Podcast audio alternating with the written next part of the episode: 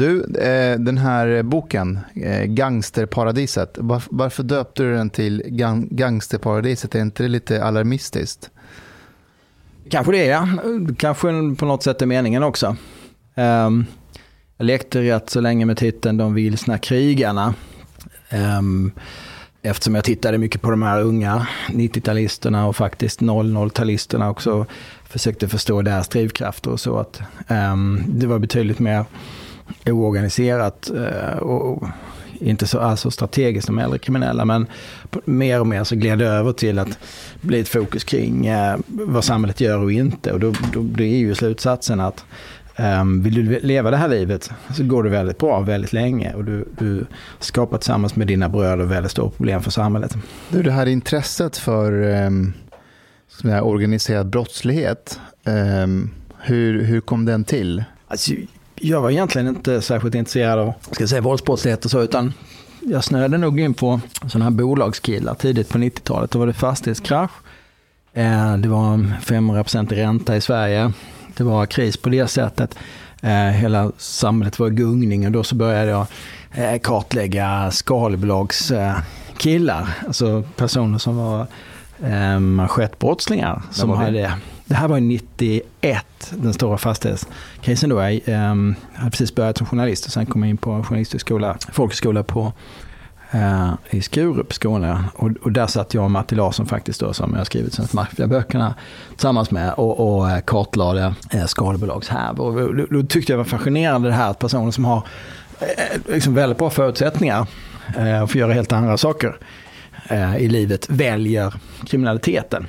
Och då var det ju gubbar i, i eh, dubbelknäppt eh, eh, kostym och attachéväska och så, så sprang och lurade bankerna Eh, och, och sen i och för sig blev kompisar med Dirty Dregels och de här andra som skulle bli Hells Angels. Och, och lite eh, juggemaffian och sådär, för de behövde ju muskler. Så att det var liksom där jag började. Eh, men sen i takt med att den här världen då växte så blev ju det liksom nyhetsuppdraget eftersom jag ändå jag nästan alltid jobbar på tidningar. Um, att berätta om, om, om det senast och det som eh, jag tror att mina chefer uppfattar som stora samhällshotet. Så av, av naturliga skäl så har jag liksom följt i spåren där kan man säga. Men du har ju skrivit nu många böcker. Jag kommer ihåg när jag gick på Polishögskolan så hade jag ju svensk maffia som kurslitteratur nästan för att studera inför vad jag kommer att möta ute i fältet. Hur många böcker har det blivit nu sammanlagt? Gangsterparadiset är den sjätte och eh, på då 14 år, eller väl, eller 13, den här kommer 2020 och Maffia 2007. Så att, ja, men alltså hur, för du jobbar ju samtidigt som reporter på DN. Eller? Ja, jag var ju liksom flitigare förr. Då var det många böcker på kort tid. Samtidigt som jag jobbade och var föräldraledig. Nu senare år så har jag inte varit den intensiteten. Men, men jag var tjänstledig ett antal år ja. Eh, och då satt jag i USA. Uh, och liksom på någon slags välbehövlig distans. Hallå, hallå. Välkommen, och, och, och satt och pysslade med den här. Ja, Välkommen. Snygg Adidas-kostym. Finaste Adidas-dressen. Ja, det är hans födelsedagspresent från sin fru. Eller sambo. Vänta, are you wearing a shirt with your picture on it? Yeah, they, they sent it to, it was someone who sent it to me. It was this lawyer, advokat Henrik Sundström. Jaha, är det han som har skickat den? Ja, han, han gjorde ett gäng t-shirtar. Lasse, är det inte sådär de ser ut ute i förorten? du hade inte levt länge tror jag i den där stassen. Jag ska bara se vad Chang har på sig. Det är alltså en vinröd eh, Adidas. I plysch. I, i eh, sammet. Ja, den är väldigt mjuk så Det är så här porr. Det var så här, jag var på, ni har sett den här storyn med, ni åkte till Moskva med Pavel Gamov. Ja. Alltså vi var på det superlyxiga värsta hotellet. Och sen har jag ju en deal med min sambo att när hon fyller år så får hon bestämma var hon vill åka. Och då hade hon fått för sig att vi skulle åka till Paris på något jävla konstmuseum och jag höll ju på att avlida men det, jag fick ju tugga mig igenom den här skiten. Var det Louvre? Eh, nej, jag, jag, vet inte vad det var men det var massa tavlor och grejer. Jag vet inte. Var Mona Lisa där? Nej, det tror jag inte. Uh, The extreme opposite of me. Och i alla fall, i alla fall. Så när det var min födelsedag tänkte jag att nu jävlar är det payback time. Nej. Så då åkte jag till det här hotellet som jag var jag var med Pavel Gamov, det här som Stalin byggde. Det här överdrivet lyxiga. Alltså det, du, du, helt oironiskt kan du köpa en fucking Rolls Royce i lobbyn. De har utställning med det. Vill du ha en fläskmassa så får du gå utanför. Det är liksom för arbetarklassen. De överdriver allt där. Och när vi var där och skulle käka frukost på det här vrållyxiga jävla hotellet. Tror ni inte jag ser en ryss några bord bort i en komplett Adidas-dress. Med vinröd var den. Fast med vita streck på sidorna. Jag tog en smygbild på den.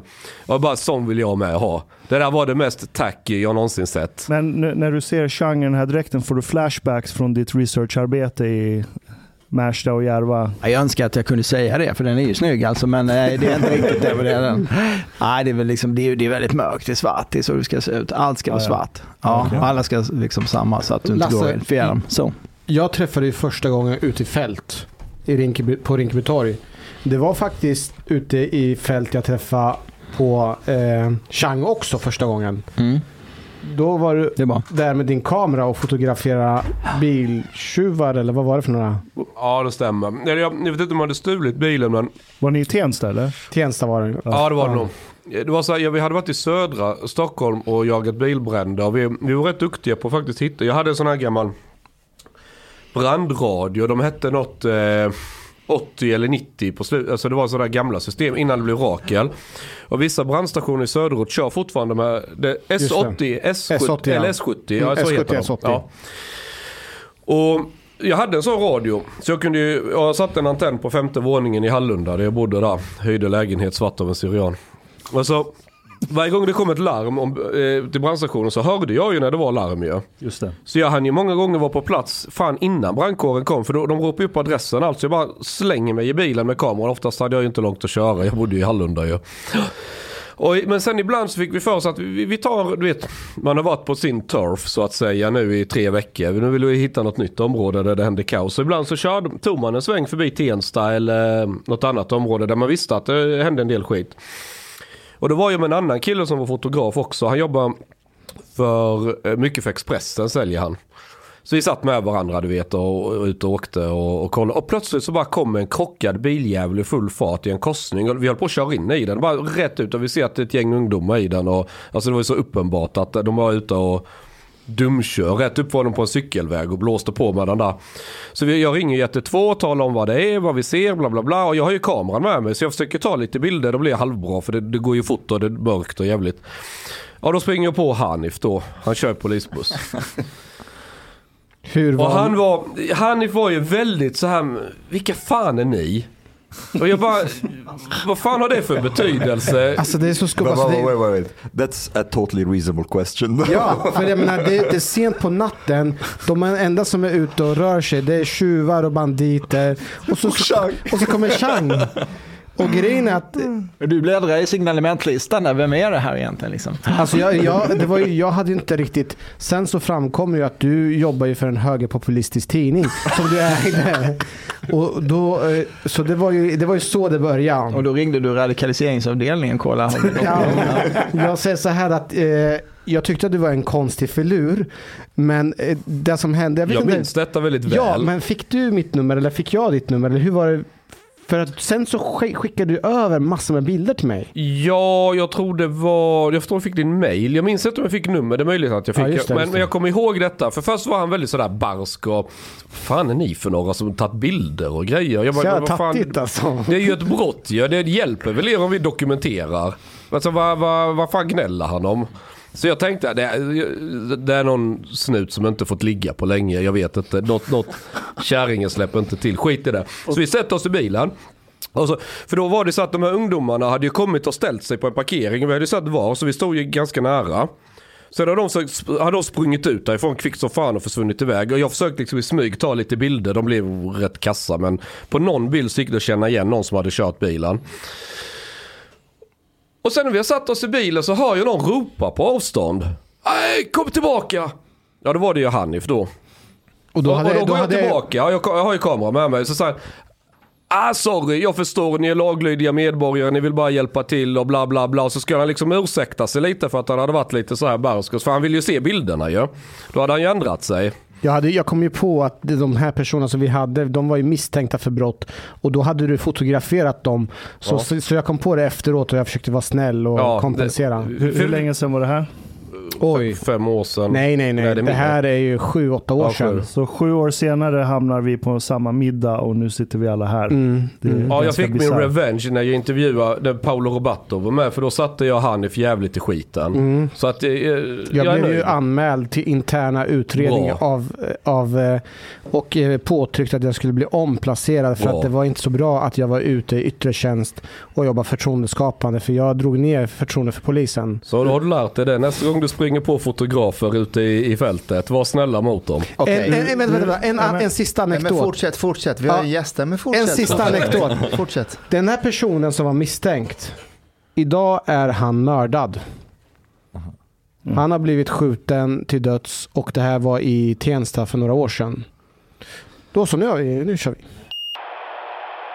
Vi skulle spela in eh, mm, mm, för mm. no en, en, vecka sedan var det va? Mm, fredags, just det. Dagen det.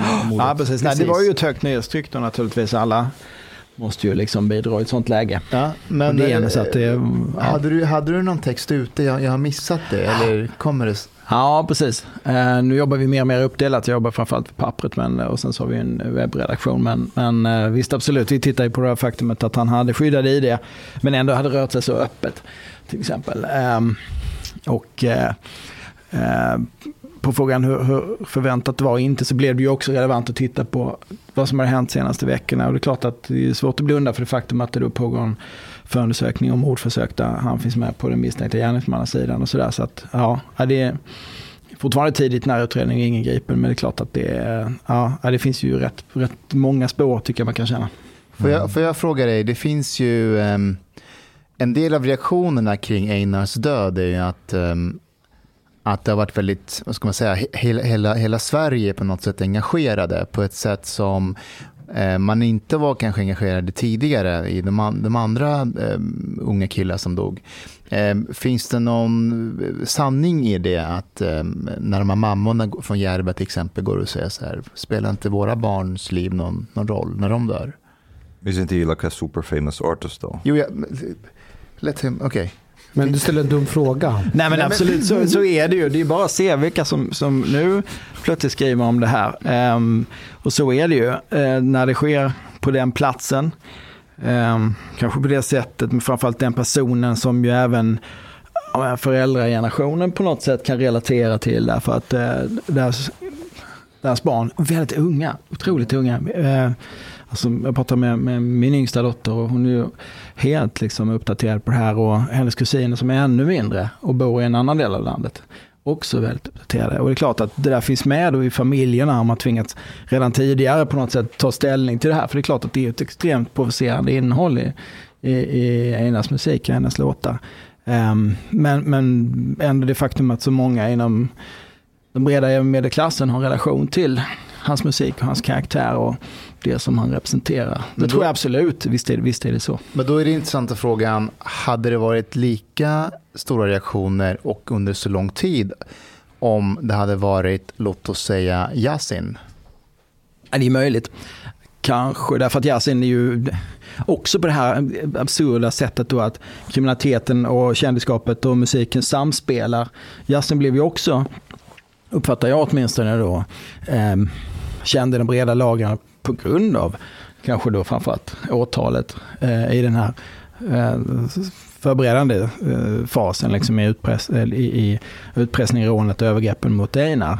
Ehm, så att det är väl möjligt kanske att han kom på en sån nivå också. Men jag tror ändå att, att Nils Einar Grönberg, är en ung ehm, medelklasskille får man väl ändå säga med, med ett um, oskuldsfullt ansikte och mm. um, på något sätt kanske en kille som har, uh, ska jag säga, Ja, men han har mera då ena benet i, i liksom etablissemanget än, än kanske Yasin och andra. Mm. So, so Yasin maybe is like perceived as more evil so to speak, more guilty. Jag vet, jag, jag vet faktiskt men, inte, det är svårt att säga tycker jag. Men det, men det är ett faktum att nu plötsligt så diskuterar vi gängkriminaliteten på ett helt annat sätt.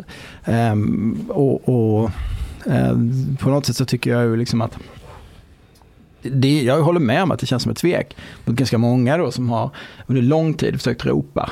Eh, men de har ropat i öknen. Eh, därför att det hugger inte riktigt tag. Och jag kan ju också se det på grejer som man skriver, liksom att det som handlade om Hells Angels och de här äldre gängen där det var killar från, eh, på något sätt, eh, den, den ja, mer kända delen liksom av Känner du att folk, du... var lättare för, för människor att ta till sig än, än vad det är med förutsägningen idag. Känner du att du har skrikit dig hes också kring de här frågorna genom åren, men att man inte har lyssnat? De har skrikit mig hes direkt, men självklart så ingår det i jobbet som kriminalreporter att vara uppdaterad och skildra det som sker och det som har skett. Det har ju skett i Järva bland annat, där du jobbar.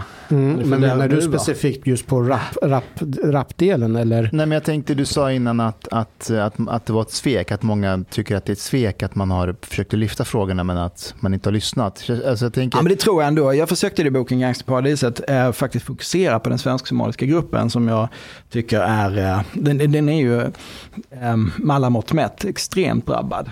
Eh, och där gruppen själv har försökt hantera detta på sina sätt. Eh, och, och, och liksom inte lyckats eh, få slut på den här branden, släcka branden. och där samhället heller inte har gjort det och man på något sätt bara har accepterat då den, den här situationen som, som nu plötsligt i skenet av mordet på Einar blev så förfärande för den breda allmänheten, nämligen att det har skett 17 mord och ett är uppklarat. Ja, det har vi känt till och det har jag skrivit. Jo, men absolut, så har det tycker jag känts. Att, att som kriminalreporter så tycker man att nu har vi berättat det här. Nu måste det väl bli någon typ av reaktion. Och jag kan mm. kanske se att den här reaktionen kommer nu. Som, som möjligtvis kanske hade, men, hade förväntat mig tidigare. Vad tror du det beror på? Att det inte kommit någon reaktion tidigare? Ja, men jag det tror har att det, väl gjort. Ja. Det har väl, det har väl, alltså det har... han, han, sa ju precis att han tyckte reaktionen först kommer nu. Ja, precis. Sen man lyssna på de här mammorna. Eh, till exempel som har stått på, på så många torg och liksom försökt väcka uppmärksamhet och känna att de inte riktigt har något fram. Jag tror att det är rätt så lätt i vårt segregerade samhälle att distansera sig från den där utvecklingen, den eh, brottsligheten och det livet. Eh, till att börja med därför att man inte är där. But I mean it's like Dan, Daniel Riazat when he wrote this tweet that it's only now and it's like he wants to he's implying that only when a white person has been killed det är inte that sant. people are paying attention. Yeah exactly, this is not true. Mm. Well, we have been talking about criminality for quite some time now. Men, men, men, men vänta, vänta. Är det, men, är det, poäng. Men, nej, men, vänta, vänta, men vänta nu, är det inte ändå mänskligt att alltså, vi alla, vi identifierar oss med olika personer och jag kan tänka mig att det är inte så märkvärdigt att man identifierar sig med de som man är mest lik. Om man har till exempel vita barn i Nils, eller som han heter, ålder, så är det lättare att identifiera sig med honom än att jämföra sig med Yassin Mohammed eller vad han heter i, i förorten. Det är mänskligt. Det är nog tycker... klasskillnaden tror jag snarare. För att Nils kommer ändå från amen, någonstans mellan arbetar medelklass. Hans mor är väl Guldbagge, liksom vinnare och om du jämför det med en person som är född eller bar, in, första generation invandrare med somaliskt ursprung i Järva. Det är väldigt stor klasskillnad. Kan det inte vara det? En, Klassen är eh, en aspekt men eh, de facto ut, utseendet. För Hade Timbuktu blivit mördad så hade nog folk reagerat lika mycket som om det hade varit Einar. För att där kommer ja. klassaspekten mm. in. Där, där, där har inte utseende någon roll. Utan det är mer Men nu, nu, nu, nu, skrev vi ju så här, oavsett vilka som har skrikit sig hesa och, eh, så här, och Riazats tweet, nu, en, nu när det är en vit person så bryr alla sig.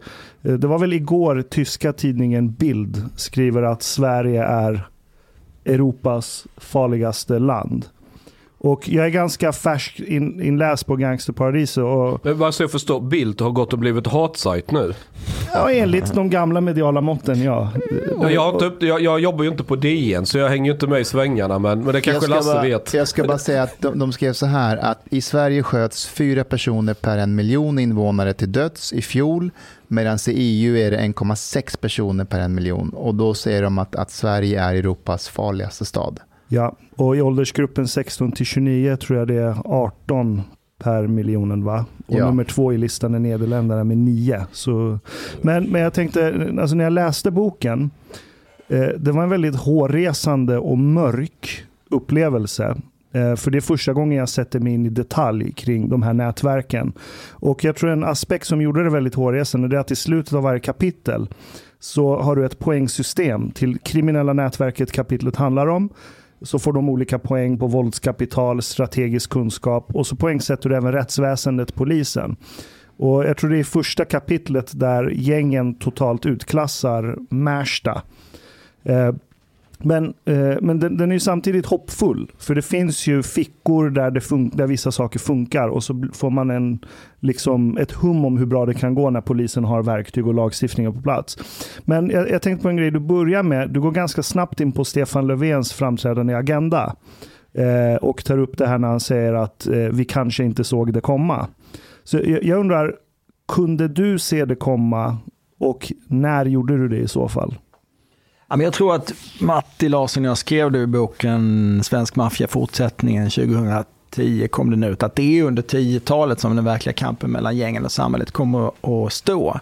Jag tyckte man kunde se det redan då, därför att då blev det en ny typ av um, våldsbrottslighet i Göteborg och i Malmö.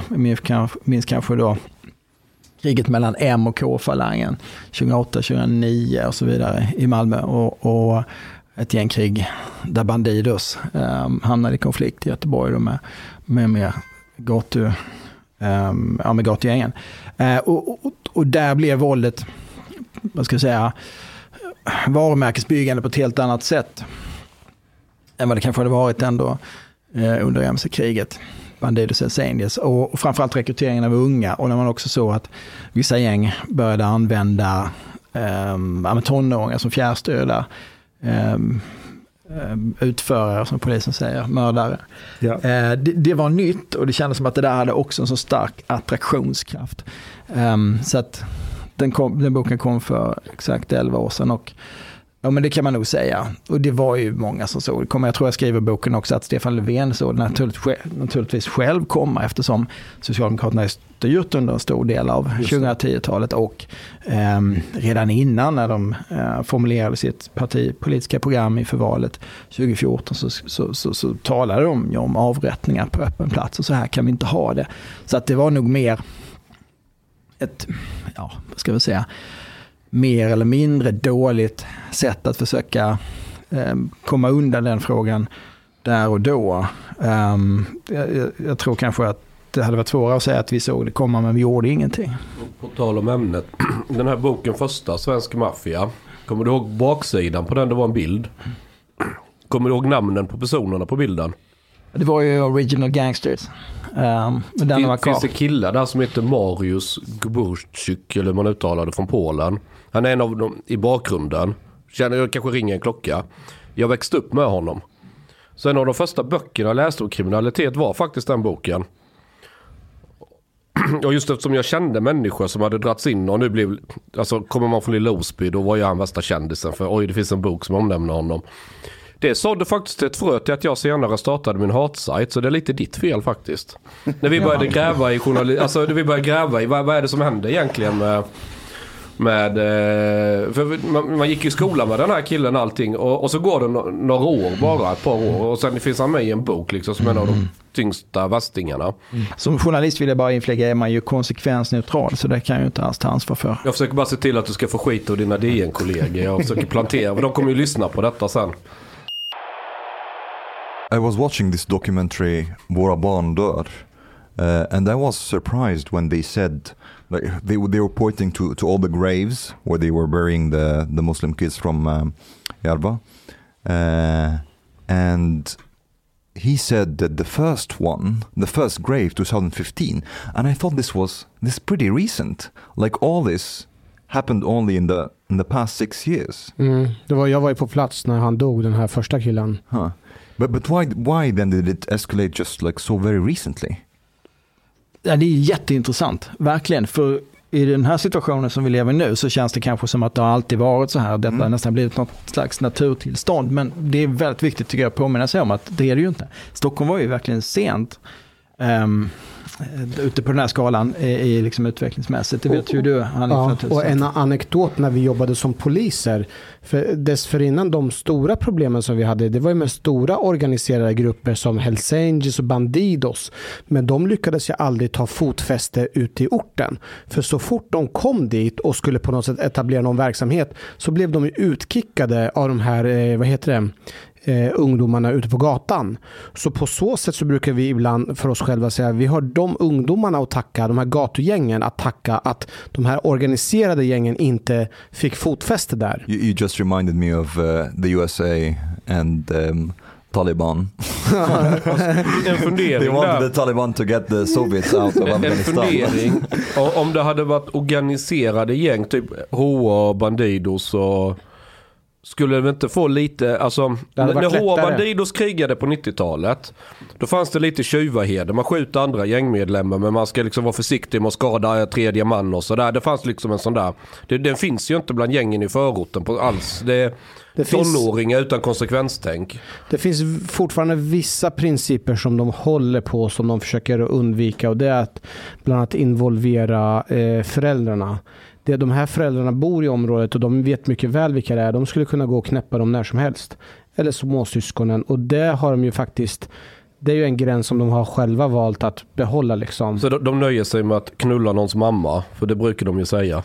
De säger, de, de säger så, men eh, det finns, ju, det finns med den heden som du pratar om, det är klart det inte finns, för de har ju eh, de har massor mass med problem. Men där vi ser det att fortfarande så låter de eh, för det mesta eh, småsyskonen och föräldrarna vara. Man skulle kunna gå och knäppa dem också. Man skulle kunna frihetsberöva dem också. Kan, kan, ni hjälpa mig reda ut det här? För, eh, i, i, i, boken så nämner du olika sorters eh, ja, men, brottslingar. Du klassificerar dem som territoriella nätverk, projektinriktade ligor, etniska grupperingar, varumärkesgäng och enprocentsorganisationer. Eh, de här senaste upptrappningarna av våld som vi har sett sedan 2015, eh, vilken kategori tillhör de och vad skiljer de sig åt jämfört med typ Bandidos?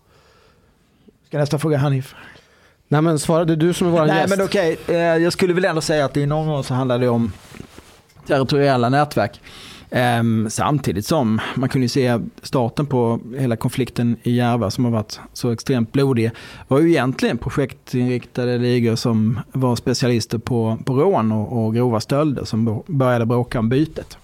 Um, men, men blev sen territoriella i den meningen att man ville ta kontroll över narkotikahandeln i sitt område. Okej, okay, så projekt syftar till att du bara inriktar dig till ett visst typ av... Ja men absolut, där fanns det ju. När det låg dallrade kring 2013, 2014, 2015 så var det liksom en enorm mängd specialister i Järva på inbrott, eh, grova stölder, rån mot eh, personrån, eh, taxirån och sen också mer avancerade stötar. Och där var ju alla på något sätt, i min bild i alla fall som jag försöker ge i boken då, vänner, man samarbetade och så. Och sen så var det en gnista som antände. Vi hade ju väldigt mycket smash and grab. Det, det har inte uppmärksammats. Där under en period kommer jag ihåg, det begicks ju grova, grova stölder. De stal mobiltelefoner, eh, där man körde bilar in i gallerier, plockade så här big bag-säckar med, och plockade på sig telefonerna och så, så drog de därifrån. Det kommer jag ihåg när jag bodde i Kista, ja. där de hade prejat in sig i huvudingången in i Expert. Mm. Kommer, kommer ni ihåg den butiken? Men det var ju egentligen den tidens glorifiering av den kriminella. Det fanns ju väldigt, när man pratar med um, killar som har vuxit upp i Järva, så var det ju de man såg upp till. Det, mm. var, ju, det var inte knarkhandlarna alls. Det var ju sjaskigt. De som, de som dealade droger då var ju um, var ju, stod inte alls högt i rang. Uh, Utan det var ju de som verkligen, rätta ja. mig fel, men som kunde planera en stöt och tjäna mycket pengar och, och hålla tyst. Och de som håller på med knark, det fanns territorium där till exempel i Rinkeby, du kunde hålla dig i Rinkeby centrum, då var det lite äldre, då var det lite mer etablerad. De yngre personerna kunde inte ens röra sig där, de fick inte ens vara där. De fick de hålla till vid Lillans livs, en liten kiosk där de kunde deala lite grann. Det som har skett nu, det är alla de här strukturerna som har funnits, de har ju bara slagit samman. Det är därför det är så jäkla rörigt. Men som du berättade så började det först med en händelse, det var ett rån vid ett forex. Kan du berätta lite mer om den händelsen? I just want to like uh, ask something uh, quickly. Uh, in these gangs, how important is it like to, that they are ethnically homogenous? Uh, inte alls skulle jag säga. Utan det är rollen i gänget och liksom lojaliteten och eh, brödraskapet. Sen just i Järva så är det ju, precis som jag skriver, det skriver liksom Diamant, i, i sin bok alla dagar. Så det, det, är ju liksom den svensk-somaliska gruppen som lider så extremt. Och det kommer ju sig av att Um, framförallt att det är en sån dominans i Rinkeby, mm. Tensta svensk-somaliska familjer. Som man också kan se, tycker det var spännande eftersom jag skrev boken i USA, jag var i Minneapolis till exempel, där det då finns liknande områden och även i, um, i Edmonton och Calgary och Toronto i, i, i Kanada och i, i viss mån i London också. Um, så att, men, men frågar du dem själva But, så är ju inte det, du, du, du liksom väljer ju inte dina gängmedlemmar och bröder på det sättet. But men, the gangs uh, ethnic composition reflects the ethnic composition of the neighborhoods or not really? Like for example, let's say, let's say, I don't know, like for example, if it's like 70% Somalis in, in the neighborhood, is it 70% Somalis also in the, in the gang members or? Ja, det är en intressant fråga. Jag tror att det är en, en större koncentration då i de aktiva brottsgrupperingarna. Vi har idag. Plan. Det är inte så att de kvoterar för att det ska vara... No, no, no. I just want to see, I just want to think... Uh, or inkluderande like... Ja, det skulle vara kul. Gänget, här, vi har en inkluderande policy, vi har värdegrund här, så nu måste vi kvotera. Vi no, har för många... If, if some, some groups, if some ethnic groups men, have, uh, because of cultural reasons, men, more uh, tendency to gravitate towards criminality. Ja, och, och det, här, är, det här är en väldigt viktig fråga. För att man säger så här, de här barnen som är svensk-somalier, man säger så här, det finns ingenting i den somaliska kulturen som har gjort att de har blivit kriminella eh, i och med att de är födda på Karolinska. Eh, det här undrar jag ifall det verkligen är sant. För att samtidigt när man pratar om föräldrarna och föräldrars oro så börjar, man ju, börjar det framkomma detaljer som gör det försvårande för oss att inte ha fått information i god tid. Mm. Hänger du med i resonemanget? Ja. Man försöker å ena sidan säga att det har inte något med somaliska kulturen att göra. Men uppenbarligen Lasse, du har ju varit i USA, både i Minneapolis och så här, så visar det sig att det finns somaliska gäng där också. Sen när man tittar på detaljerna så menar jag att det finns vissa grejer som urskiljer sig. Bland annat förmågan att kunna lita på samhället. Att hämta hem hjälp. Om man behöver hjälp med sitt barn, om det är man har en strulig unge. Eh, signalerar man till myndigheter, tar man hjälp av myndigheter. Det gör ju inte de somaliska föräldrarna för de har ingen tilltro och det är en kulturell aspekt att man inte ska ta hjälp utifrån. Yeah, but, but, but there's also, we talked a little bit about also the differences because one of the things that uh, was really strange for me is how the fathers, in at least it seems to me, the Somali group, are totally absent. And absent I come, är frånvarande. Um, um, and to me it's very strange because this is something that is very foreign to Arabic culture. I, I come from Egypt, and, and for Arabs, mm. like fathers are basically the heads of the family and very actively have to direct uh, everyone in the family and their behavior and so on. Um, and it, it, at least uh, this is how I would think about it. That if it was, it would be interesting to know if Arab fathers are also absent in the same way that Somali fathers vet, are. Vet du det Lasse? Ja, det där är intressant och eh, det tycker jag inte minst eftersom jag pratade med eh, somaliska pappor. Och kanske inte då i Järva utan eh, på ett annat ställe i Sverige, nämligen Södra Biskop, eh, Norra Biskopsgården. Där också en svensk-somalisk gruppering har hamnat i, i konflikt med, med en annan gruppering. Um, och där de här papporna säger själva att det är svårt uh, att översätta kanske somalisk uh, familjebildning och uppfostran till en svensk kontext och till Mm. Är man bara ett svenskt fastighetsbestånd eller så. Det, bilden är lite grann att it takes a village to raise a child. Nämligen att det finns många vuxna kring eh, barn och unga eh, i hemlandet. Eh, och att det är ehm, det finns olika roller då mellan mamma och pappa och där mammorna är kanske mer tillsammans kollektivt mm. Eh, med mamman men också systrar och, och andra i släkten som på något sätt bolstrar in eh, de unga. Det är lite så nomadkultur. Ja, ja. Säkert. Ja. Eh, och, och, när du då kommer till ett samhälle där du förväntas dela upp de här strukturerna i ganska små lägenheter, två, tre och fyra år i södra right. Norra Biskopsgården eller Tensta, Rinkeby, vad det är, så blir det rätt svårt att, att bibehålla den sociala kontrollen. Där tror jag att det är mycket större förklaringsfaktor, det är mycket mer intressant. Och det här säger jag efter att ha faktiskt då ägnat rätt stor kraft åt att förstå. Jag har suttit på föräldramöten i, i Minneapolis med bara mammor och ställt samma fråga som eh, jag gjorde i Göteborg. Som, jag var nattvandrare med mamma där. Varför är det inga eh, män som är ute och nattvandrar? Vad säger eh, de? Nej, men en del säger, en del säger att ja, men de jobbar och jobbar natt och, och, eller så måste de gå upp jättetidigt. Det stämmer. Mm. Absolut, ingen anledning att ifrågasätta det. Men också säger en del att men papporna ser inte riktigt det som sin roll. Kanske mer en mat, jag ska säga, med materialistisk liksom, syn på föräldraskapet. En av de första killarna jag träffade i Järva, som kom från den här miljön, berättade på ett ganska gripande sätt hur han och hans bror hade satt sig i Sverige och pappan som sen åkte tillbaka till Somalia och blivit uppfostrade av en, en moster.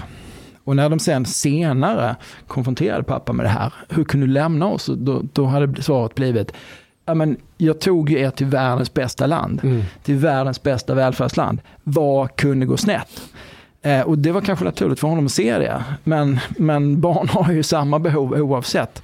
Eh, det är kanske de materiella eh, förutsättningarna när det gäller anknytning till föräldrar och normbildning och gränssättning och trygghet och stöd och allting sånt där. Jag tror det är snarare det än att man, jag, jag, kan inte se på något sätt, och det har vänt på ganska många stenar kring den här frågan som, som är ganska känslig tycker jag. Att jag kan inte se till exempel att det hos um, pappagenerationen finns någon kriminalitet nej, nej. som kan förklara någonting för det här. Absolut inte. Och de, eh, föräldrarna, papporna, kliver inte heller in i den här kriminaliteten. skulle man kunna tänka sig hypotetiskt om du eh, har en hel familj som drabbas och det blir en du tydligt kan se att den andra familjen så där, skulle kunna bli ringa på vattnet. Men jag tycker ändå att man försöker hela tiden bara släcka det här, samtala. Och sen har man inte nått fram. Men jag kan inte se liksom att det finns någon kriminell kultur. Absolut inte. Däremot att man bryter upp en social kontroll som har funkat bra hemma i ett land som ser totalt annorlunda ut, nämligen Sverige. So, so maybe the, the cult, the, it could be also that the cultural structure of, of Arabs, mm, it's closer to the Swedish cultural structure compared to the Somali. Ja, nu ska vi inte överdriva. men, vad, tror du om den här teorin som jag sa förut om att Alltså mm. som du har olika eh, maskulina roller eh, och de här rollerna när man kommer hit till Sverige som, som somalisk pappa. Man fråntas den traditionella rollen och man blir passiv. Och framförallt när man inte har ett arbete, när du inte har ett jobb att gå till. Hur ska då de unga killarna i området kunna se sin pappa i ögonen och se att det här är min faders, det här är min Fast förebild. du kan ju applicera samma sak på andra invandrargrupper yeah, som iraker, syrier. Yeah, exactly. There's like so many so, Iraqis for example. Exakt. Så, men menar du, eh, så menar du att eh, andelen eh, pappor, eh, somal, somaliska, eh, vi ser på den somaliska gruppen, det är den som har sär, särklass högsta andelen arbetslöshet. Visserligen, men det finns ändå en ska man säga, familjestruktur där pappor inte förväntas vara lika närvarande i den somaliska diasporan jämfört med den afghanska, eh, syriska, irakiska. Nu generaliserar jag här, men det är för on att föra fram en, yeah. on average. Mm. Att mammor förväntas ta hand om barnen på ett annat sätt, vara mer närvarande medan pappan är ute och jagar. Ja. ja eh, jag har snackat också med en del föräldrar med somalisk bakgrund. Mm. Och eh, det jag har hört många mammor säga det är att de svenska systemen, alltså jag sa i något tidigare poddavsnitt eh, så här, lite mindre värdegrund och lite mer rörfil. Och det är ungefär så de här mammorna förklarar att i deras kultur när man liksom uppfostrar barn, det är lite mer rakt på sak. Lite, det är inte där, I Sverige så är det väldigt mycket lågaffektivt. Va? Barnkonventionen. Vadå barnkonvention? Men I Sverige har man barnkonventionen med och lågaffektivt bemötande. Ja, men det är väldigt mycket det här. Lite saft och bulle. Nu ska vi sitta ner och så tar vi det lugnt. Och hur känns det för dig? Varför blev du arg? Bla, bla, bla. Medan somalierna är kanske, det är lite annan typ av kultur. Och det krockar lite där. Och så är många somaliska föräldrar, och det, det har jag hört flera säga, att de skulle jättegärna vilja uppfostra sina barn. Alltså få ordning på dem såklart. De är ju... Men de är samtidigt väldigt rädda. Att skulle de börja gå på för hårt och sätta gränser för sina ungar och nej nu jävlar, nu går du inte ut och ställer till med skit utan sköt skolan och, och ger dem en jävla örfil liksom eller vad det nu är man gör. Då är de rädda att SOS kommer till ungarna ifrån dem så de känner sig klämda mellan det svenska systemet samtidigt som de tappar makten över sina barn. Och det har ju gått så långt att en del föräldrar de skickar ju sina barn till Somalia så får de bli uppfostrade där istället. För att ta dem bort från gatan i Sverige. Och det är någonting du skriver i boken. Dacan Chelis va, kallas ja. för fenomenet och det är ju jätteintressant. För det ty tycker jag är ett sånt där exempel på hur gruppen själv har försökt lösa detta på, på de sätt som ligger nära till hands. Eh, och det har faktiskt eh, supportats av socialtjänsten i, ehm, i uh, Kista Rinkeby. Uh, och man kan väl säga, det man kan väl säga utan att överdriva att det har gått riktigt illa i en del fall, men i andra fall så har det kanske funkat och det var därför socialtjänsten har tyckt att det var värt att, att, att, testa det när ingenting annat fungerar. Men jag tror också att man ska se det som ett bevis för att socialtjänstlagen idag, den skrevs, den är ju ett halvt sekel gammal, skriven i en helt annan... Um, ehm, men testa vad? Vad sa du? Socialtjänsten, du låter dem testa vad? To, to be their children? Eller vad? Nej, Nej de testar att, precis, att man skickar barn på Dacan Chelis. Och, och, och, Somalia. Ja, eftersom man har vänt sig till gruppen och frågat vad vill ni ha? Då säger man att ja, men vill jag, okej, vi betalar biljetten ner. Så. Men och det, det tycker jag är liksom ett sunt uttryck för att man um, inte riktigt uh, förväntar sig att svenska system kan hantera det här. Men well, this, det har this, gått snett i många fall, well, absolut. Så har det gjort. This, this actually when it comes to, for example, the, the question of honor culture, is actually a big problem uh, because some of these like parents, they just don't want their kids to become Swedes uh, or have a Swedish lifestyle. Det är säkert också det. Men ja, i de fallen ja. Men i de andra fallen när ungen är i så djup kriminalitet eller håller på, om man skickar dem hem till släktingar för att komma på andra spår. nej men vänta, jag, jag, jag, jag, säger att i vissa fall så har det faktiskt fungerat. Vi har ju, vi har ju nu från en del rektorer som jag pratar med, då, då är det ju eh, inte bara just de ungdomarna utan det finns ju föräldrar nu som är så pass oroliga för sina barn som, är i, som går i mellanstadiet. Men då väljer de att skicka, alltså ta hela familjen och flytta från Sverige och flytta i det här fallet till Kenya. För att de vill verkligen få ordning på sina, eh, på sina barn och de gör vad som helst i sin makt för att kunna få förändring. Och de ser inte att vi, det svenska samhället kan eh, skapa en förändring. Jag växte, Nej, det är logiskt. Ja. Jag, jag, växte upp när jag gick i, i sjua, eller högstadiet så hade jag en, eh, en väldigt nära vän från Kamerun. Mm. Och eh, det började gå ganska snett för honom. Han, Satt han på en mörk avbytarbänk? Han kom inte in i olika sammanhang och, eh, och jag märkte att mamman var otroligt stark, alltså en väldigt stark person. Eh, och, eh, men hon märkte att hon inte kunde liksom ha koll på honom, så hon skickade honom till England, mm. till hans farbror. Och han fick jobba på McDonalds där. Eh, och när han kom tillbaka, det var ordning och reda på honom. Alltså, eh, för farbrorn tog helt över. Eh, och nu är han så här, du vet, han är äldre, han kör lastbil, han har barn, han har fru, cool. Men det hade kunnat gå riktigt illa, kommer jag ihåg, när vi gick, för att han spårade helt ur. En studie jag ramlade, ramlade över, där de försöker kartlägga hur mycket av men bland annat antisocialt beteende som brukar vara en prediktor för att hamna i gäng och kriminalitet hur mycket av till exempel antisocialt beteende är genetiskt, hur mycket är miljö?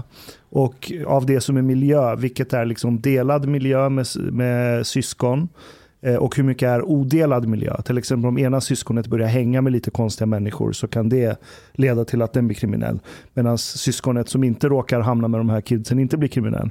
Och, och det var ganska intressanta fynd. Ena fyndet var att Eh, Eh, bara själva antisocialt beteende i sig, 50% tillskrivs genetiska faktorer. Eh, och det är en skillnad i ett enzym som heter monoaminoxidas som bryter ner serotoninmolekyler bland annat. Och en liten skillnad i det enzymet gör att din eh, sannolikheten att du uppvisar antisocialt beteende går upp jättemycket. Men det som var ännu mer intressant var att eh, resterande effekt var ju miljö då. Men 40 procent, alltså nästan hela miljödelen var icke-delade miljöfaktorer. Det vill säga att du råkar hamna hos fel gäng eller råkar få dåliga kompisar. Eh, så det har inte så mycket att göra med att ja, men du har en bra skola med widescreen tv och fin idrottshall och fritidsgård. Det räcker att du hamnar i fel sällskap. But Superintressant. Isn't it, isn't it like a combination of both? Because if you, if you, if you think about it also genetic expression requires environmental circumstances that would trigger that yeah, that yeah, tendency. Yeah. So, for example, it's not like very unlikely if we would basically uh, had we grown up in the exact same environment that um, we could have been. Uh, Absolut, yeah, hundred percent. Uh, and it's and those those kids, if they have been like in an environment that does not uh, um, trigger that genetic expression, they would not also have been gang members. Ja, man skulle ju kunna spekulera att antisociala genen mm. och allt det här, om den personen hade bott i Danderyd så kanske den hade blivit vd för Allra och skingrat pengar inom pensionsbranschen istället. Ja. Så det är ju samma arketyp. Mm. Men, men miljön gör att den utspelar sig på olika sätt. Right. Men däremot verkar det mer och mer som att vi kan avskriva idén om att resurser och fritidsgård, det verkar inte ha någon stor betydelse egentligen. Däremot närvaron av gäng och människor som lockar en person som behöver få utlopp för sitt antisociala beteende, det exakt, är faran. Exakt, och det var det jag tänkte på i din bok, för du börjar ju kartlägga eh, andelen barn, barntätheten. Det var då första gången jag blev liksom varse med att shit, det är en helt annan förutsättning för barnen i vårt område i Järva.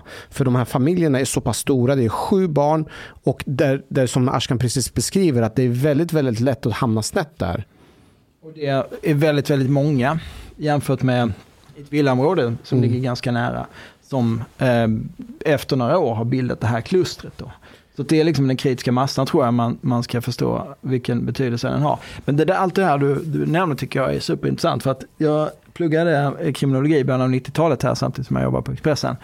Um, dagarna och så jobbade jag på Expressen på nätterna. Och uh, jag blev mer och mer um, irriterad och upprörd över just det ointresset som man ja. liksom eh, Eh, förhöll, hade i förhållande till den, till den här typen av fakta. För att hela liksom Stockholms universitets kriminologiska institution var ju bara fixerad vid att vi skulle skruva på välfärdsrattarna. Yes, så skulle så. Eh, kriminaliteten liksom bara försvinna av sig själv. Hur stort ansvar har Jerzy Sarnecki för att det blivit så? Du som har kriminologbakgrund. Nej men det är klart att han påverkade den institutionen väldigt mycket. Absolut, och man var ju helt ointresserad av det här. Jag um, hade en handledare när jag skrev en C-uppsats då som var en av få, Belfrage han, som, som sen började jobba på rättspsyk. Och han var ju mer intresserad av att gå in i hjärnan på de kriminella. Henrik Belfrage. Ja. Mm. Och Fick han skit från andra för det? Ja men absolut, det får jag nog säga. Att, vill du bli mer frustrerad?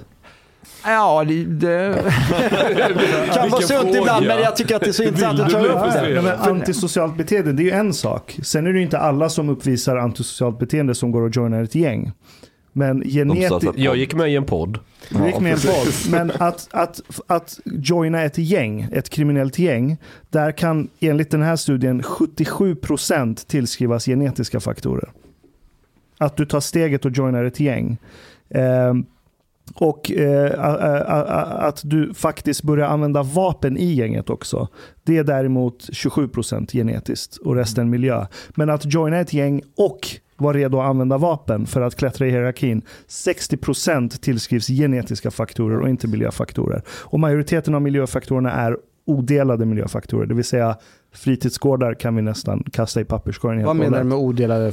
Jag fattar inte. Alltså till exempel om du och jag växer upp i samma familj mm. så har vi en delad miljö. Hemmamiljön till exempel. Eh, vi har samma föräldrar, vi har samma lägenhet, vi har tillgång till samma mat om vi utgår ifrån det. Då.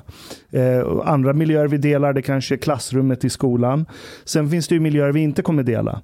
Till exempel att du kanske hänger med datanördarna mm. och jag kanske hänger med fotbollsnördarna. Och bland fotbollsnördarna kanske det finns några som också håller på med knark, säger vi nu, i skitdåliga exempel. Mm. Men det, det, finns aspekter av våra liv som vi inte delar, fastän vi kommer från samma familj och delar gener. Uh. Slutsatsen av det här blev väl då att vem är det som ska göra jobbet? Ja, det är kanske BUP då, barnpsykiatrin, men de pratar man ju väldigt sällan om i det här sammanhanget, utan mm. det är mjuka åtgärder, socialtjänster, fler socialsekreterare och så vidare, och sådana här program som går ut på att man ska övertala eh, och förstå den unga att du har valt fel livsstil. Men tror du ens det går? Alltså, jag får intrycket att vissa av de här människorna, det finns inget du kan göra. De kommer alltid vara kriminella, hur, vad du än försöker. Jag tycker, jag har följt sådana här karriärer, brottskarriärer under rätt så lång tid. Man ser ju att det, ja, det har ni sett som poliser, herregud, att det inträder ju en trötthet när det börjar bli jobbigt. Och det kan ju ha ganska mycket att göra med att man bara mognar som person och så får man andra intressen och andra...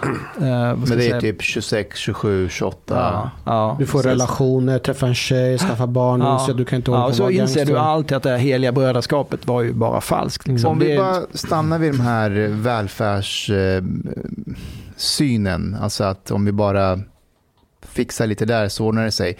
Eh, du skriver i boken att, att det har alltid varit problem med Järva. Så redan på 70-talet när det bodde svenskar där då var det ju prostitution man pratade om.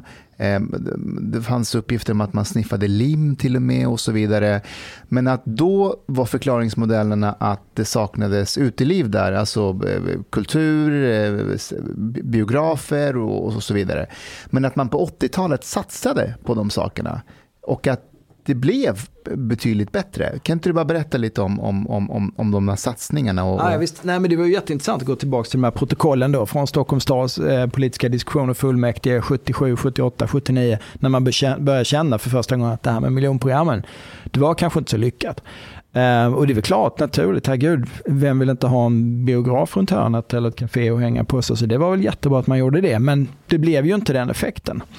Och det som också hände var ju att man sa då i Stockholms stad att vi ska ha en viss andel um, nyinflyttade från andra länder. Och då var det framförallt uh, finländare, chilenare och helt andra grupper än idag. Men då uh, kom man fram till att det var diskriminerande att säga så. Jag tror framförallt den finländska gruppen som tyckte det.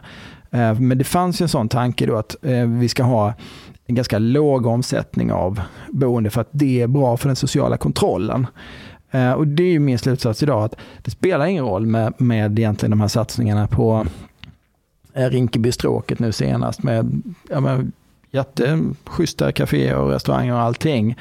För vi har ju ändå sett den här utvecklingen att det, det handlar mycket mer om den sociala kontrollen än om eh, området är, är ytligt sett liksom trevligt att gå och fika i. Men jag måste bara stanna vid de här, den här tesen därför att Eh, menar, eh, du, du är i Rinkeby, jag var senast i Tensta häromdagen, jag var i Kronoparken för någon vecka sedan och föreläste.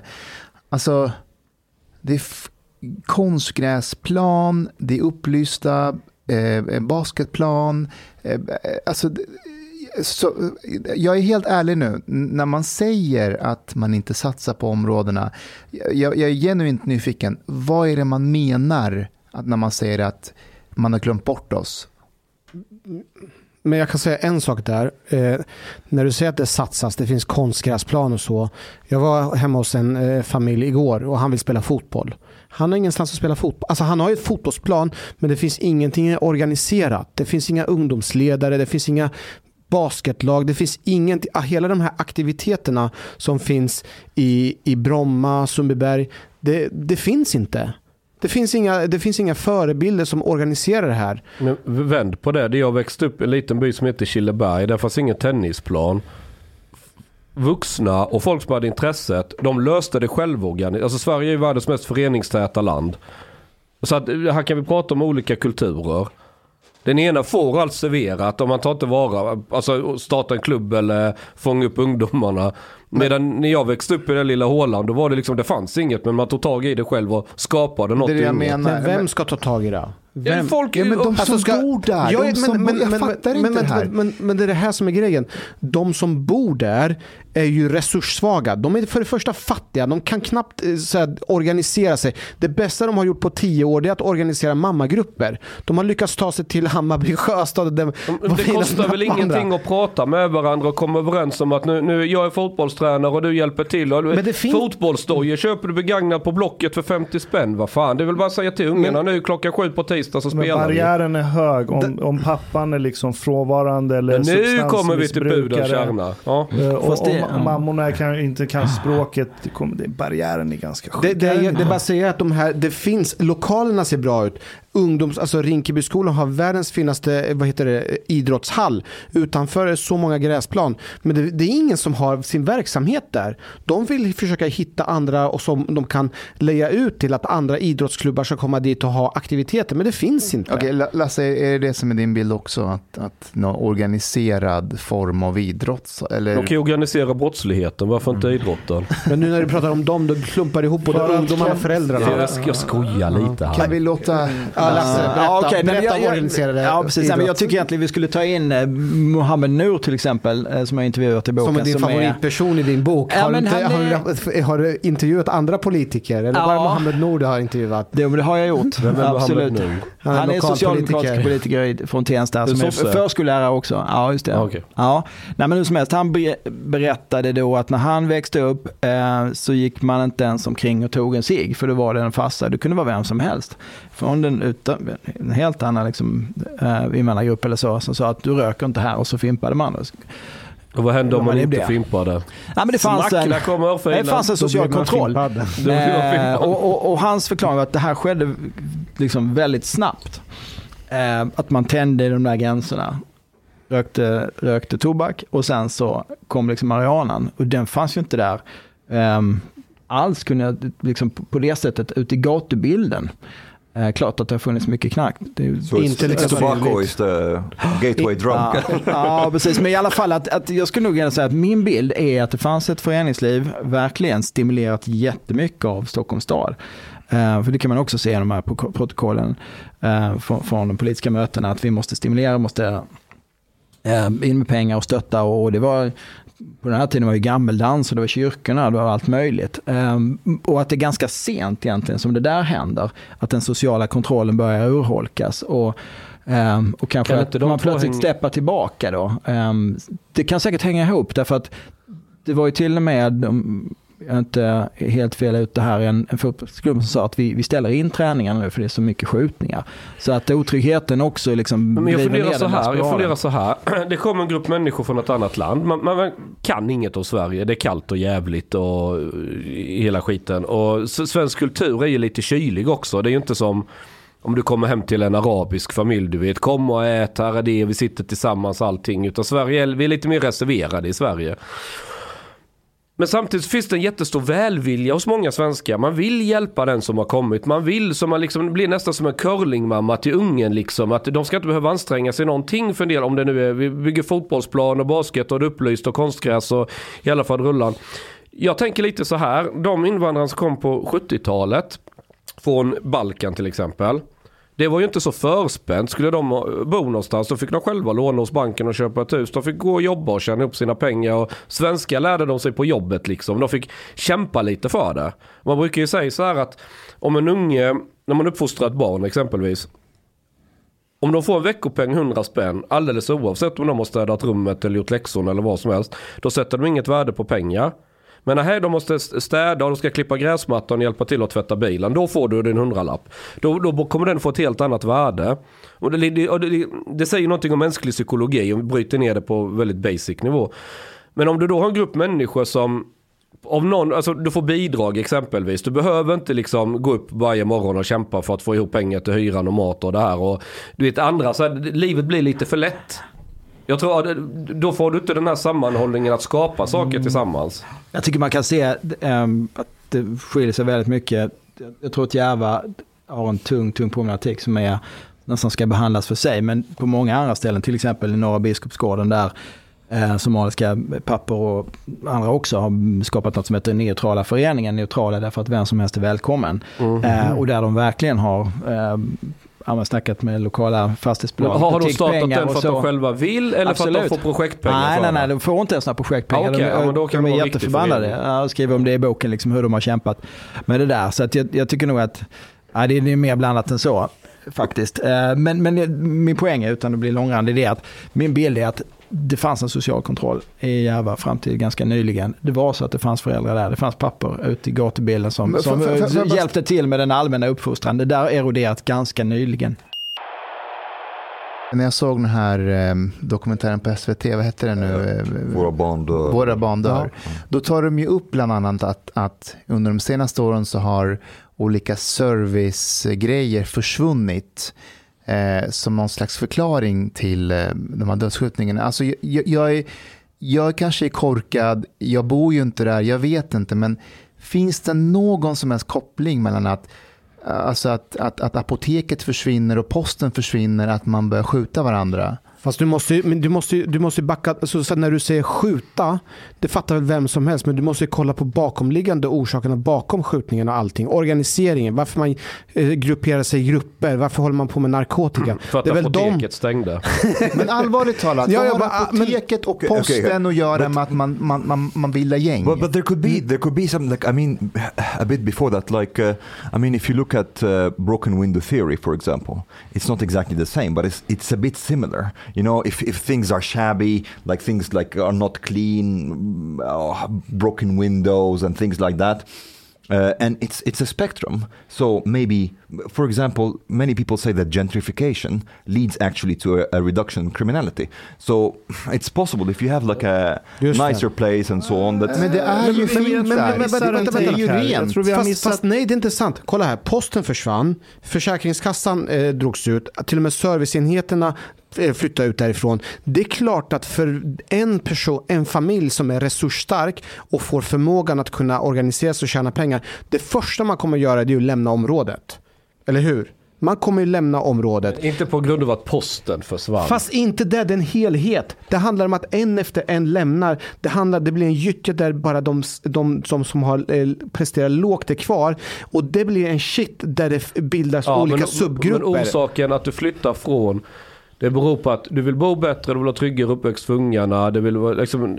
Men det är ju det det är, delvis. Fast jag skulle säga att det är rätt komplext. För anledningen till att Nordea flyttade från Rinkeby, det är ju att Eh, fönstren blev de... sönderslagna 2010 när ja, det var ett upplopp under flera dagar. Du vet. ja. Och att, att polisstationen, att man säger att polisen lämnade, man stämde, stängde närpolisstationen i Rinkeby. Men slog de sönder Nordea-fönstren för att posten hade lämnat tidigare? Nej, men de, de, de, för att några killar inte fick komma in på ett Skolan. skoldiskotek. Uh, så att det där är ju komplext. Det är klart att de andra då, eh, bankerna och andra serviceinrättningar börjar också titta på det här. Och vad kostar det att förstärka säkerheten här nu, de här dyra glasen och sådär. Fick ju inte försäkring. Men det är en grej vi missar här. Mm. För kolla, vi, innan vi kom in på det här så nämnde vi att nej, men det var problem i Rinkeby på 70-talet också. Eh, och det här dockar an lite till Jerzy Sarnetskis idé om att nej men om invandrarna inte hade kommit hade svenskarna i underklassen stått för skjutningarna och våldet. Och en grej vi missar här, det är att en sak händer, en ganska radikal sak som går att koppla till antisocialt beteende. Eh, för många som uppvisar antisocialt beteende, där kan du ställa diagnoser som ADHD och, och dylika eh, problem som går att behandla. Eh, men det är inte förrän sent 80-tal som eh, man börjar klassificera ADHD som en sjukdom och börjar behandla den. Medicinerna har man haft rätt länge, men man visste inte att man kan behandla ADHD och dylika diagnoser med de medicinerna. Så på ett sätt Eh, okej, okay, det kom rätt, invandringen till Sverige i stor skala började ju liksom 70-80-talet. Men det var ju mycket arbetarklass som kom hit. Arbetarklass, mycket medelklass, mycket brain drain. Så det är ett visst skikt av till exempel Bosnien och Serbien och Iran som kommer till Sverige. Där du har en ganska kristalliserad kultur kring uppfostran och massa sådana här saker. Och jag tror alla här är överens om att har du ett barn som är antisocialt det barnet uppfostrar du väldigt annorlunda än den här nörden som sitter och nördar ner sig i matteböcker. Det är ju helt olika uppfostringsstrategier. Så jag tror vi får inte glömma att man börjar medicinera och behandla människor på ett helt nytt sätt från sent 80-tal och framåt som uppvisar antisocialt beteende. Eh, Medan kulturerna som kommer 90-tal och senare till Sverige, där är det väldigt tabubelagt att prata om mentala problem. Mm. Det man kan det möjligtvis flika in, jag vet inte riktigt, jag har inte tänkt färdigt på det du sa, men det jag kan säga är ju att många av de här killarna upplever jag självmedicinerar ju också. Eh, att cannabis funkar väldigt bra ifall yes. du har ADHD för att plötsligt så faller saker och ting på plats. Gräs är bra till allt. Uh, okay. Jag ska bara stanna vid, vid, vid, vid Ashkens teori. Borde inte vi ha samma problem med Tyskland då? De har också tagit emot många betydligt stor invandring. Tyskland har no, rätt stora problem också. De har not, not in jo, proportion, men inte, men not in proportion to the population actually. It's, they are not at all in the same level as Sweden. Men det är det jag menar. Så det finns ju tabu bland dem också. Det har ju kommit Fast, fast okay, vilka grupperingar, vilka etniciteter i Tyskland är det som turkar är över? Mycket turkar, mycket sy de tog emot en massa från Syrien, Somalia har de också där. Okay. Ja, jag vet inte hur det ser ut i Tyskland rent demografiskt. I men... Köln har de afghaner har jag läst. Är det så? But ah, they don't have the same percentage at all of foreign born people as we do. Like for example like if you have a, like a really big big population mm. with just like 1% from another culture they will be like much it's much easier for kan them det inte vara uppfostringskulturen då? Alltså, ja, men... Om du jämför viss del av turkar jämfört med somalier, det kanske är en helt annan struktur. Ja, jag, jag, tror så. Dan Korn sa en väldigt klok sak till mig. Och det var en sak jag märkte att när jag bodde i Hallunda och jag var väl en, alltså jag bodde typ tre år eller något, fyra kanske under den här tiden så var det en gång jag träffade en svensk som också bodde där. Det var någon pensionär. Resten det var bara Mellanöstern. Framförallt mycket syrianer kristna. Och det, det jag noterade som jag tyckte var väldigt kul på något sätt. Det var när jag lämnade mina unga på dagis. Så det var det påminde om när jag var liten och vi hade en lärare som var väldigt engagerad i kyrkan. Hon ville att vi skulle gå i söndagsskola med. Det kan man, det är svårt, jag är född 83 så att man trodde att det här försvann för hundra år sedan. Men det har levt kvar på sina ställen i Sverige. Det tänket. Eller man ska vara med i kören och sådär. Det var väldigt mycket liknande mentalitet. Det var ungarna ska lära sig varför vi firar jul. Jesus stod på korset, vi firar det, var, alltså det fanns väldigt tydliga eh, kulturella liksom normer och, och, man ska lära sig bakgrund och så här funkar det. Och det, det var noll av det här med genus och flummeri och sådana saker utan det var väldigt traditionellt så här. Och Dan sa en sak till mig att det där är faktiskt väldigt bra för att det behöver inte vara svensk kultur. Men bara att det finns en majoritetskultur som gäller, då har alla rättesnören att gå efter. Då blir det genast mycket, mycket vad ska man säga, det blir mycket lättare att orientera sig. Ja, så att, för åker du till Turkiet, du åker till Kurdistan eh, eller du åker till Syrien någonstans de ungdomar beter sig inte alls som de gör på, på eh, liksom i Järvafältet. Du hittar inte den gangsterkulturen. De, de är skitsnälla, ödmjuka, bjuder hem dig. Liksom, många gånger mer öppna och varma och välkomna än, än eh, om du skulle gå på Södermalm och knacka på hos någon. Skillnaden är att i, i, i Järva så eh, avsaknas ju social kontroll. Finns social kontroll i Järva? För det fanns det i början. Du har ingen fanns... majoritetskultur. Okej, okay, men social kontroll if we if we um, talk again about the number of kids the families have, it's also like it's it's very logical that the more kids you have, the less investment you would have in each kid, and the more difficult for you to keep an eye on them. But this is it's a bit strange that this aspect in the debate is totally absent. It's strange and not strange because, of course, anybody will bring bring that up. Like certain groups have like too high fertility rate, they'll be called racist and so on. But it, the funny part is, like the West is really investing a lot, like in, in family planning and, and like contraceptives mm. in the third world. But and there it's okay. Men inte like Järva.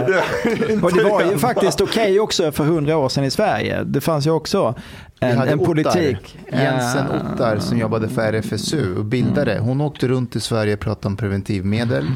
Hon eh, sa uttryckligen att man inte ska ha fler barn om man inte kan ta hand om dem. För att det vackra målet med moderskapet, sa hon, det var att eh, man ska kunna ta hand om sina barn. Har du kommit i kontakt med, med just den här aspekten av det? Ja. det alltså man kommer ju in på det när man pratar om trångboddhet. Eh, för det är ju inte så att lägenheterna plötsligt har blivit mindre. Utan det är ju det att det är fler som ska bo i, i, i de här miljonprogramshusen. Eh, och vi var ju, Mustafa, på en Eh, kongress, vad säger en konferens här i kongresscentret och pratade med eh, fastighetsbranschen.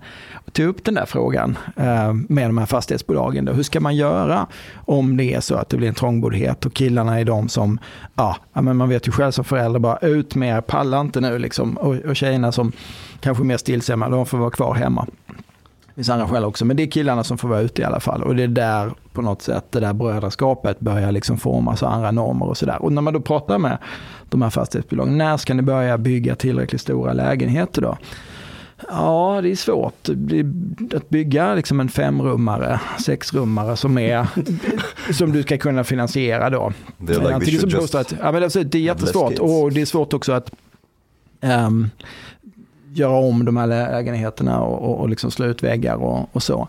Eh, och sen så fanns det ju också då socialtjänsten här eh, eh, representerad i diskussionen, va? socialborgarrådet. Eh, och där kommer vi också in på den här frågan, men hur, hur ska man då tackla detta att eh, trångboddheten skapar de här problemen? För det är man ju överens om. Är det så då att man ska ha en, en diskussion kring det här? Och, och, och ja, jag upplevde att han var helt ointresserad av det. Ja, vi tog ju upp BVC också. För de gör ju ett fantastiskt bra jobb med att informera mycket om mamma och pappa och föräldraskap. Och jag frågade ju, eh, skulle man kunna också informera om eh, att det inte kanske har så många barn om man inte kan ta hand om dem. För att det är inte så i Somalia som det är här. För att det är helt logiskt varför man i Afghanistan och Somalia skaffar många barn. För de blir som ett slags försäkringssystem de ska ju ta hand om dig när du blir äldre. Men så funkar inte samma sak i Sverige. Här har vi staten som, som tar hand om dig.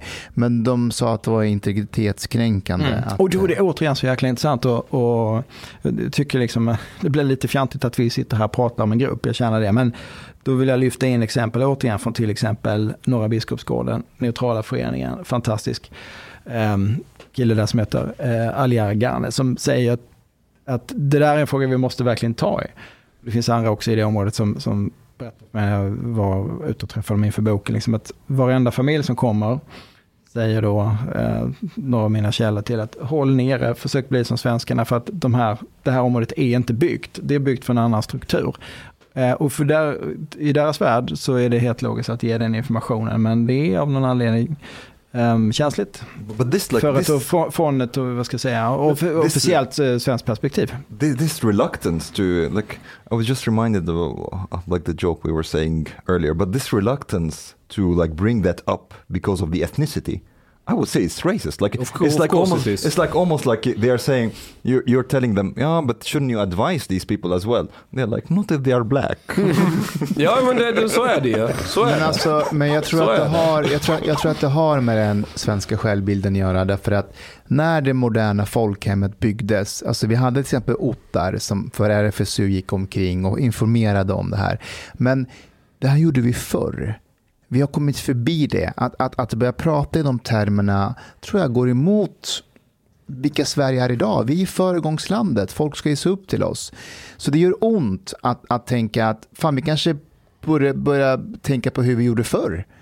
Eh, du vet när alla pratar om så oh, han var så Myrdalparet var så duktiga, eller Ottar. Ottar var för sterilisering. Hon ville sterilisera Eh, eh, funktionshindrade att, från att skaffa barn. Men hon var för homosexuellas rättigheter, hon var för abort, hon gick omkring och visade kvinnor hur man använde pessar och sådär.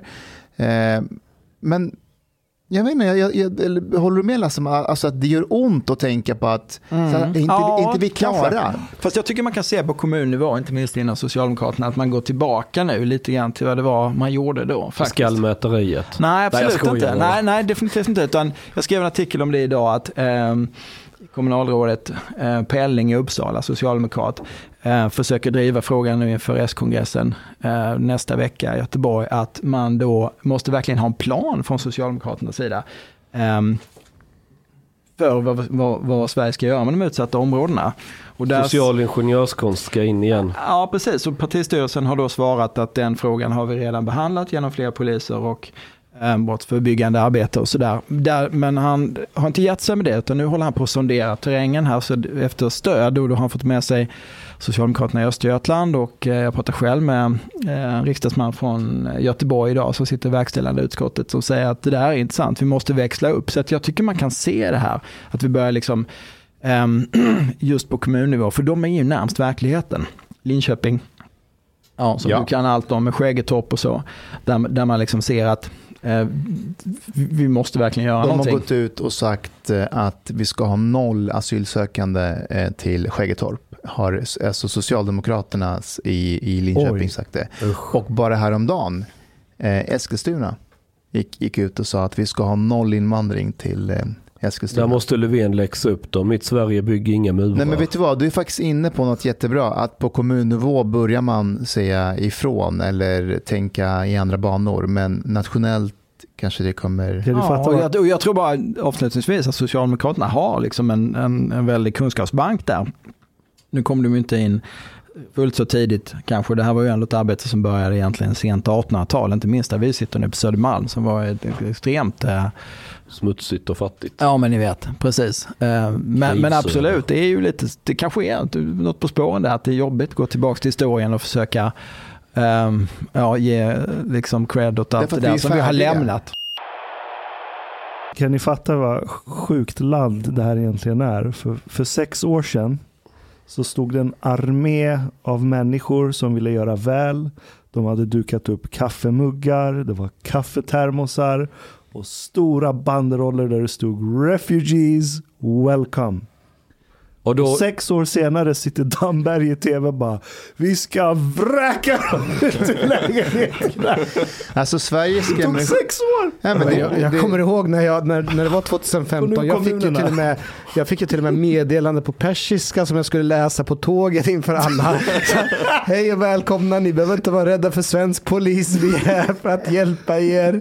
Och jag kommer ihåg det, till och med det tårades i ögonen på mig. Såklart. För jag tänkte så här, tänk vilket fantastiskt välkomnande vi ger alla flyktingar. Det här är ett värdigt mottagande. Och tänk, sex år tänk, senare, vi vräker er. Tänk, tänk, tänk den, den som hamnade i koma 2015 och såg det här och så vaknar han nu och, och sätter på Aktuellt. Det är liksom...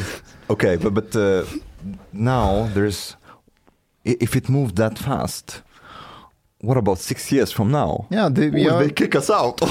Nej men på riktigt. Jag, jag Då förstår jag att Mustafa är orolig men jag över Marcus. Nej, men ska... ja, men det, det, finns alltså en seriös risk för alla de här PK-människorna som samlas vid en viss tidning, jag inte ska nämna här för att vara snäll. Så är det en jävlig gruppdynamik. Man ska följa strömmen och tycka på ett visst sätt och ha en viss typ av värderingar. Och, och man ska gärna visa upp det lite som en dyr handväska och hej och hå. De här människorna är de första att bli nazister den dagen det är inne att vara nazist. Södermalmsfolk. jag, jag, jag, pekar inte på dig Mia. Men min poäng, är, min poäng är att man tänker inte, man följer flocken. Och är detta det moraliskt rätt och riktiga? Du kan, du kan alltså så här. När Hit Se att det är högt i tak här. Ja. ja nej, men, men, så här, när Hitler kom till makten så gick inte han och sa att nu jävlar ska vi vara de ondaste jävlarna och mörda så många som möjligt så varenda jävel i historien kommer att hata oss. Det var inte så han tog makten. Nej, det lät jättefint och vackert det han sa och det följde säkert någon slags eh, stringens i resonemangen och allting. Och så blev resultatet. Men min poäng är att just de här svängningarna vi pratar om, det är de som är, jag tror är farliga. Nu säger inte jag att DN kommer gå och bli nazister, men, men min, min poäng är att det, det som var så otänkbart för några år sedan blir så självklart senare. Och det, och det kan man ju se, som vi tar exemplet med sossarna här ju. Eh, vad Löfven sa på eh, Södermalm, att, och, och nu vad en minister säger i tv, Damberg.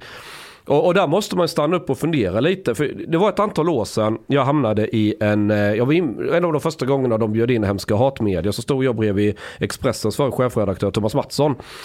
Och Mattsson var ju på som fan, du vet hur hemska och vi var och allt det här och hela köret. Och så satt det lite folk framför. Så sa jag så här att, nej, jag kommer nog alltid vara lite mot etablerad eller PK, eller kallad vad du vill, liksom media. Men nu har vi en pendel som är väldigt långt åt ena hållet. Detta finns inspelat så det är ingen bullshit.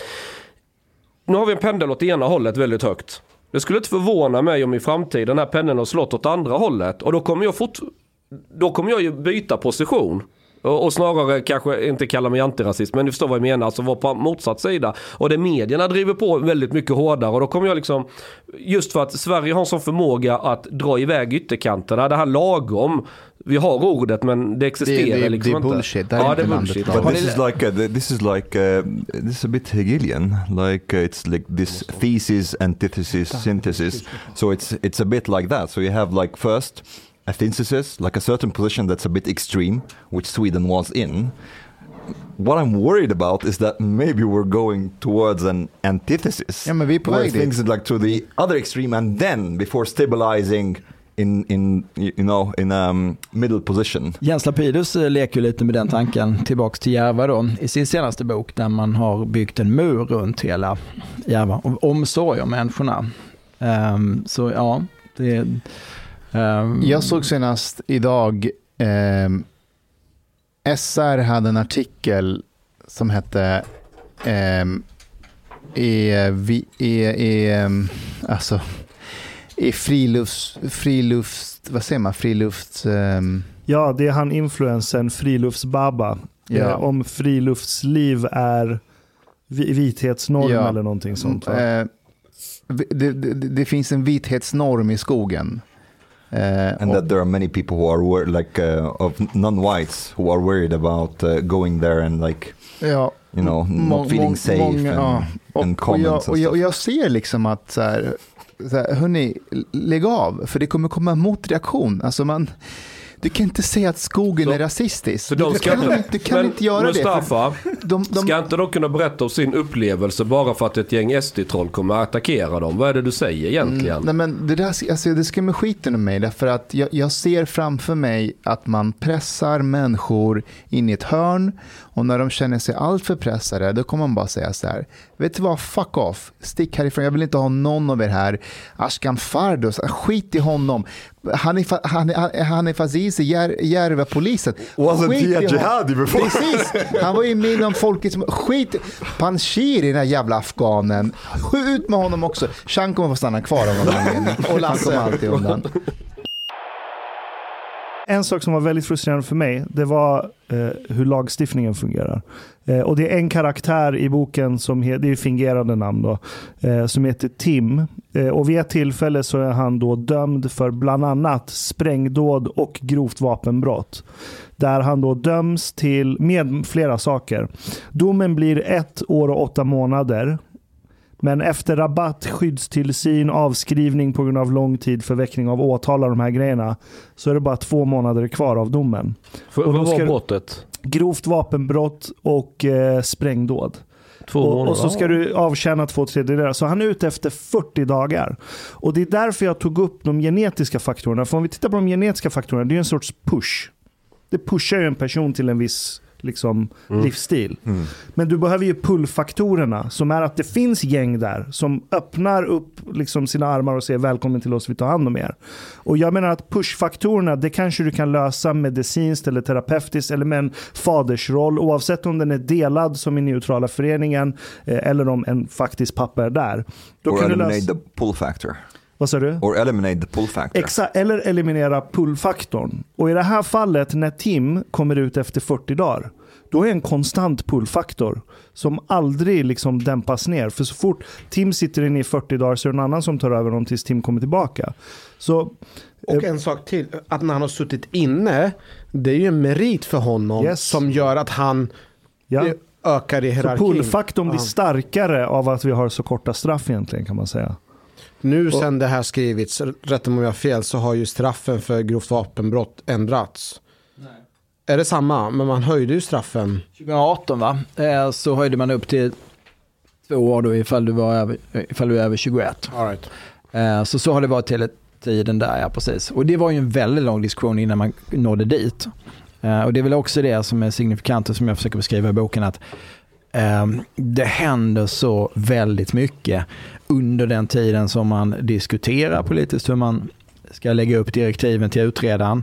Utredaren ska sätta sig in i det, komma med ett förslag och sen så ni vet remissrundor och alltihopa. Det har gått 5-6 år. När det gäller buggningen så tog det nästan 30 år innan svensk polis fick möjlighet att göra samma sak som i nästan alla andra länder. Och då har man en helt annan problembild. Så att hela tiden så är lagstiftningen anpassad efter en, en, en föråldrad problembild. Och den, det du tar upp här, det tycker jag är just betecknande att man ska försöka eh, till varje pris undvika fängelsestraffet. Eh, och skyddstillsyn är ju ofta det, ifall man är lite äldre, som man ska försöka med. Gammalt resonemang i svensk. Ja, och det är till och med så, det visste jag faktiskt inte innan jag började eh, researcha kring det här, att förarbetena som det heter i, från riksdagen, från Anna-Greta Leijons tid, säger då att domstolen ska välja skyddstillsyn även om den enskilde själv säger att han eller hon inte vill ha det. Ja. Man ska, det, det bara om det finns absolut eh, ett, ett eh, eh vad ska jag säga, något eh, faktum som säger att det här kommer aldrig, eller ett bevis för, för, att det här kommer aldrig att lyckas. Och det, är ju, det förstår ju vem som helst att praktiken blir det ju omöjligt. Det är klart, har man den inställningen att det kanske lyckas 19 gången då. Så att du, du liksom tvingar på personen skyddstillsyn som är helt ointresserade av det. Och utfallet är ju lätt att se vad det blir. De kommer ju inte till mötena som Nej. ska ens vara starten för den här påverkansinsatsen då. Lasse, mm. tror du att de här, vi har 17 mord i Järva sedan 2018 och ett av de här morden har lösts. Om de här 17 morden hade varit på Södermalm eller Bromma, hade utredningen och det andra tagit lika lång tid? Nej. Hade politikerna jobbat i samma senfärdiga tempo? Det har inte med politiker att göra på Södermalm. Hade folk vågat vittna, då vågade Exakt. de inte göra. Inte det just det som är... Det är mycket lättare menar, att... Jag menar, om, om det skulle vara förutsättning att de inte skulle lösas. Skulle politikerna inte vara sitta med och hosta fram så att till exempel eh, digital övervakning och allting att det gick mycket fortare? Att man inte motsade sig till exempel att man skulle kunna få sätta upp kameror? Det är en intressant fråga. Lasse? Mm. Nej men absolut, så tycker jag nog att det har varit. Man ser att det sker eh, våldsdåd inne i stan. Vi hade ju ett fall här för länge sedan, det går så snabbt i den här världen som man glömmer. Det som vi då Östermalm. tyckte var så illa, ja, precis det var ett knivmord inne Eh, i, i, centrala Stockholm som plötsligt gjorde att liksom, vd-klassen, våra läsare, fick upp ögonen för det här. Mm. Eh, och det var en sprängning i eh, Göteborg på Storgatan inne i centrala Göteborg, Bandidos då, som sprängde Hillesbil och plötsligt fick man en helt annan diskussion. Eh, så det, det är ju en faktor, absolut. Närheten till var den inflytelserika delen av befolkningen bor. Självklart, det, det ska inte underskattas. Sen är det väl mycket man känner igen sig i det. Upplever man att ett ens område är otryggt, då kommer det mycket närmare. På 90-talet när det stod motorcykelgängen, det var lite exotiskt. Det var, lite, för det var så långt borta från det, så det var, nästan, det var lite Bland många så var det nästan lite rockstjärnor. De här grabbarna på motorcykel som körde utan hjälm och trotsade polisen och eh, lite farliga och sådär. Det var sen när det började spåra ur med det här våldet och sköt ihjäl så folk började liksom, mm. ja vad är det här? Får jag stanna lite där med vid lagstiftningen som Ashkan var inne på. Jag lyssnade på Kaliber häromdagen och, eh, och de, hade, de hade ett jätteintressant program om att eh, många av de här killarna som är dömda för mord, att eh, de har varit hos socialtjänsten allihopa. Alltså, det har varit utredningar och de har gjort i princip allt vad de har kunnat, men att det inte har hjälpt. Vem kunde ana? Det hjälpte inte med ja, Och då intervjuade de en kille här som Eh, som faktiskt, det började litet, alltså smått. Eh, och SOS var inkopplad och allt vad ni kan tänka er. Och så slutade det med att han blev misstänkt för ett mord. Och så här beskriver han eh, insatserna från, från eh, socialtjänsten. Innan Anders hinner fylla 15 har två nya orosanmälningar kommit in och snart ska en tredje skickas. Anders går då i nionde klass och en februaridag under en rast går han hem och byter kläder. Han maskerar sig och tar med sig en kniv. Sen går han in i en butik, tar fram kniven och visar den för butiksbiträdet och säger att han vill ha pengar ur kassan. När personen börjar skrika så springer Anders därifrån. En annan anställd och en förbipasserande springer efter Anders och får tag på honom. Fler personer hjälper till att hålla fast honom tills polisen kommer. Han har då gjort sig skyldig till ännu ett brott, försök till rån. Bedömningen som socialtjänsten gör är att det inte krävs någon akut insats och att de redan har inbokad mötestid med Anders och hans föräldrar för familjebehandling eftersom en tredje utredning av Anders nyss har börjat. Det, det var ett, två samtal, sen var det klart. Jag tror även där det var lite så här, man bara va? Är det så enkelt? Då, man, så då en spärr i huvudet den bara släpptes, typ.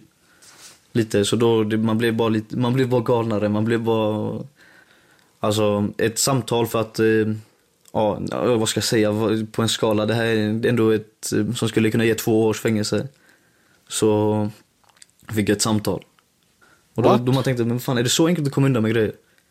Är det så enkelt i detta samhälle? Man bara, oh, shit, okej, okay, men då kan man ändå, ja, då spärren öppnades, man började tänka, oh, shit, man kan ju pengar på det här och det här, man kan ju göra det här bara för skojs skull. Ja, ja, det, det spårade ut där. Ja, jag tror det var 14-15, där spårade alltså, Då spårade det helt. Gangsterparadiset? Alltså, någonstans är det ett, ett, ett systemfel här också. Och, och det här är väl ingenting nytt. Alltså man har väl vetat ganska länge att, att deras, vad ska man säga, alltså är det, är, det, är det resursproblem eller är det lagstiftningen som, för, för de säger ju själva att nej men vi har inte några mera åtgärder, vi har gjort allt vad vi har kunnat. Mm. Ja, så har det stått i de här yttrandena från socialtjänsten som lämnat till domstolen nu i, i tio år åtminstone. För exakt den här kategorin killar. Eh, så att, jag, jag, tror att det är ingen egentligen som är insatt i det här som jobbar med detta från eh, polisiär nivå, socialtjänst, politiker, tycker någonting annat. Men det är lite förbluffande tycker jag att man inte eh, då har verkligen sagt att vi, vi måste nog se över de här eh, bestämmelserna, socialtjänstlagen inte minst. Då. Men här och nu idag, håller vi på med någon slags förändring kring socialtjänstlagen? Nej, inte konkret. Va? Det diskuteras ju. Det, det finns ju rätt så, återigen då på, liksom, poli, på kommunal nivå. Det är väl en fråga för politiker. Ja, fast, fast, är det inte så här, alltså att när det gäller att skärpa vissa typer av straff, då är det lättare för de här politikerna att genomföra. Men göra en ordentlig reform av socialtjänstlagen. Det är ingenting som går att göra på en handvändning. Det kommer ta säkert tio år. För det tar jättelång tid att få, få igenom. Det är för sent. Det är för sent. Och det, det, här skulle ha gjort för länge sedan för att socialtjänsten säger samma sak. Vi, vi har bara, de har ju bara frivillighetsinsatser. Det värsta, det absolut grövsta som socialtjänsten har det är LVU och det är i värsta fall. Och då har de i Järva, vad har de gjort? De har satt LVU i hemmet på vissa av våra ungdomar. Och precis. Ja, och så kan man se ganska långvariga kostsamma insatser där man flyger upp de här killarna till eh, SIS-hemmet i Kalix mm. också. Och de kommer tillbaka efter ett halvår och det har inte hänt någonting. Men så jag visst, vet, det är ju svårt, man sitter ju verkligen och kliar sig i huvudet. En billigare lösning är att flyga dem till ett arbetsläger i Sibirien. Vad, tänker, du kring det Lasse? Jag tänker att jag passar lite på det men däremot tycker jag... Han är så jävla här DN-skadan. Nej men lyssna på det här jag, jag, jag, jag, tänker så här, kanske att man, att man, det här med värnplikten tycker jag att jag har fått frågor ja. om. Det är inte om jag, jag, jag, jag har tänkt hela kvällen ja. på just värnplikten. Ja precis, jag kommer ihåg eh, faktiskt redan 20 år sedan då. Man skrev om mc-gängen så kunde läsare höra av sig och säga att ja, men det här är inte så konstigt, nu har vi liksom trappat ner värnplikten. Det är klart det blir så här. De gillar manlig samvaro, eh, en tydlig, no strukturerad tillvaro. Det är farligt, det är spännande, det finns vapen, det finns graderingar, det är förutsägbart och bra. Det är precis som mc-gängen, exakt så var det ju. För det var ju, det var ju nämligen eh, ja, hemkommande soldater som, som liksom inte kände sig hemma. Det var så Hells Angels började. Ja, precis, och även Bandidos faktiskt, Vietnam veteraner. Eh, och det blir ju mer, mer intressant. Jag kommer ihåg att jag slog ifrån mig det. Så att, nah, nej men vad sjutton. Det, det här är ju ändå fenomen på marginalen. Det var ju det på den tiden. Det fanns ju liksom 6-7 gäng i den världen. Eh, skulle det bero enbart på det här? Men det är klart nu, ja vad är det de här killarna söker egentligen då? Ja, det, är ju, det är ju egentligen samma grej som HA skulle säga. Det är, en, det är en familj, det är en ledare, det är en idé, det är känslan av att vara någon och allt det där. Och rätt så mycket av det får man ju liksom i faktiskt i lumpen. De behöver fascismen helt enkelt. En stark ledare och tydliga regler, hierarki. Du vill gärna. jag, jag försöker göra det lite jobbigt för dig här nu. Liksom. Ja, ja, men det, det är väl, det är Vad väl tror intressant du? att tänka sig. En DN-journalist? Det är klart jag, jag inte missar right, det nej, tillfället. Jag, jag agerar slag på sig. Nej, jag ska, jag ska vara snäll nej, mot dig. Det där är ju intressant faktiskt. Det är ju det. Men det är klart problemet är att nu ser vi killar då som den här då. Eh, som, som refererades av Sveriges Radio. Ja, vad sa han? 14 och 15 år. Det var då det ballade ur. Rätt så svårt att vänta tills en mönstring när du är eh, nästan 18 och så ska du rekryteras in, in i militären när du är 19 efter gymnasiet. Liksom. Um, så att vi kanske inte riktigt är där längre när det var, det Men skulle vara en jag, hypotetisk lösning. Jag vet inte. Jag har en teori kopplat till det här eh, radioinslaget. Det var ju alltså 2013-14, eh, då hade vi upploppen i Husby. Eh, det var ju jättemånga ungdomar som deltog i, i de här upploppen. när man kastade sten och brände bilar och så här. Alltså av de personerna, jag tror inte någon blev ens lagförd. Föreställ dig att du är ung person, bara begår så mycket grova brott och sen så händer det ingenting. Så märker man, att, märker man att fan, det är fritt fram att göra vad som helst. Då efter det så börjar vi se narkotikaförsäljningen helt öppet på gatorna. Där de börjar sälja helt öppet. But, yeah, but I mean that's also if upp, uh, uppklarningsgraden is like also that low. It's like one out, one out of 17 murders, that's like 5%. It's like basically non-existent consequences. Men här är ännu mer siffror från boken. 1144 inställda rättegångar mellan 2015 och 2016. På ett år, eller nästan två år blir det då. What? 1144 inställda rättegångar på grund av eh, ändrade vittnesmål. Folk som inte vågade vittna. Är det en ökning eller minskning? Har du jämfört med tidigare år? Eh, nej, det har jag i för sig inte gjort. Jag tror faktiskt jag refererar bara till om det är radion där igen då. Eh, jag, har inte, jag har inte själv tagit fast, okej, vänta, det, det, spelar ingen roll. För det har, det, det har att göra med att vi, potentiella vittnen backade ur av rädsla för repressalier. Ja, ja. Så då spelar det ingen roll om... Men det skulle vara intressant att veta om det 1982 kanske bara hände tre gånger det året. Okej, jag slår vad, slår vad tusen spänn med att så inte var fallet. Mm. Ja, det var ju en väldig nyhetshändelse kan jag säga som journalist ifall någon backade ur. Eh, I mitten av 90-talet i Malmö, där jag jobbade Sydsvenskan, då var det ju en, det var ju en stor nyhet. Ja, kan vi det var första sidan. återgå bara till slutet av boken där du kommer med, eh, eller du gör en analys av åtgärder. Och bara, hur hur, hur tänkte du där och, och varför kom du fram till de, till de just åtgärderna? Var det fler fritidsgårdar? Jag har inte hunnit läsa Nej, boken. men säg Lasse vad du, vad du skriver om åtgärder. Nej, men jag tycker att det här med social kontroll är ju faktiskt centralt. Vi kommer aldrig kunna eh, skapa ett samhälle där vi har en polis i varje gathörn. Vi behöver klaner alltså. Vad sa du? Vi behöver klaner. Nej, jag tror inte det. Uh, utan det jag tror är att det är ju helt enkelt så här att det måste finnas någon vuxen som säger ifrån. Uh, och det måste vara så att du får cred ifall du gör det. Det är ju liksom så det funkar. Det är ju ändå så här att Ja men är det 550 000 invånare som bor i utsatta områden, det är väldigt många, men det är ändå procentuellt sett en liten del av svenska befolkningen. Det funkar ganska bra. Det är över 2 procent. Det är faktiskt det, en stor andel, men okej. Okay. Men det funkar ju eh, väldigt bra i de stora delarna av Sverige. Eh, och det gör det ju inte därför att det är väldigt polistätt där, tvärtom. Um, jag vet inte hur det ser ut i Osby idag till exempel. Eller det är nog fortfarande lika inavlat. Men det finns ju inte, det finns ju inte polis ute på landsbygden och det sker inte den typen av brott. Utan min poäng är ju helt enkelt så här då. Istället för att man fortsätter år efter år efter år att försöka med konstgjord andning pumpa in pengar i de utsatta områdena som man gör nu.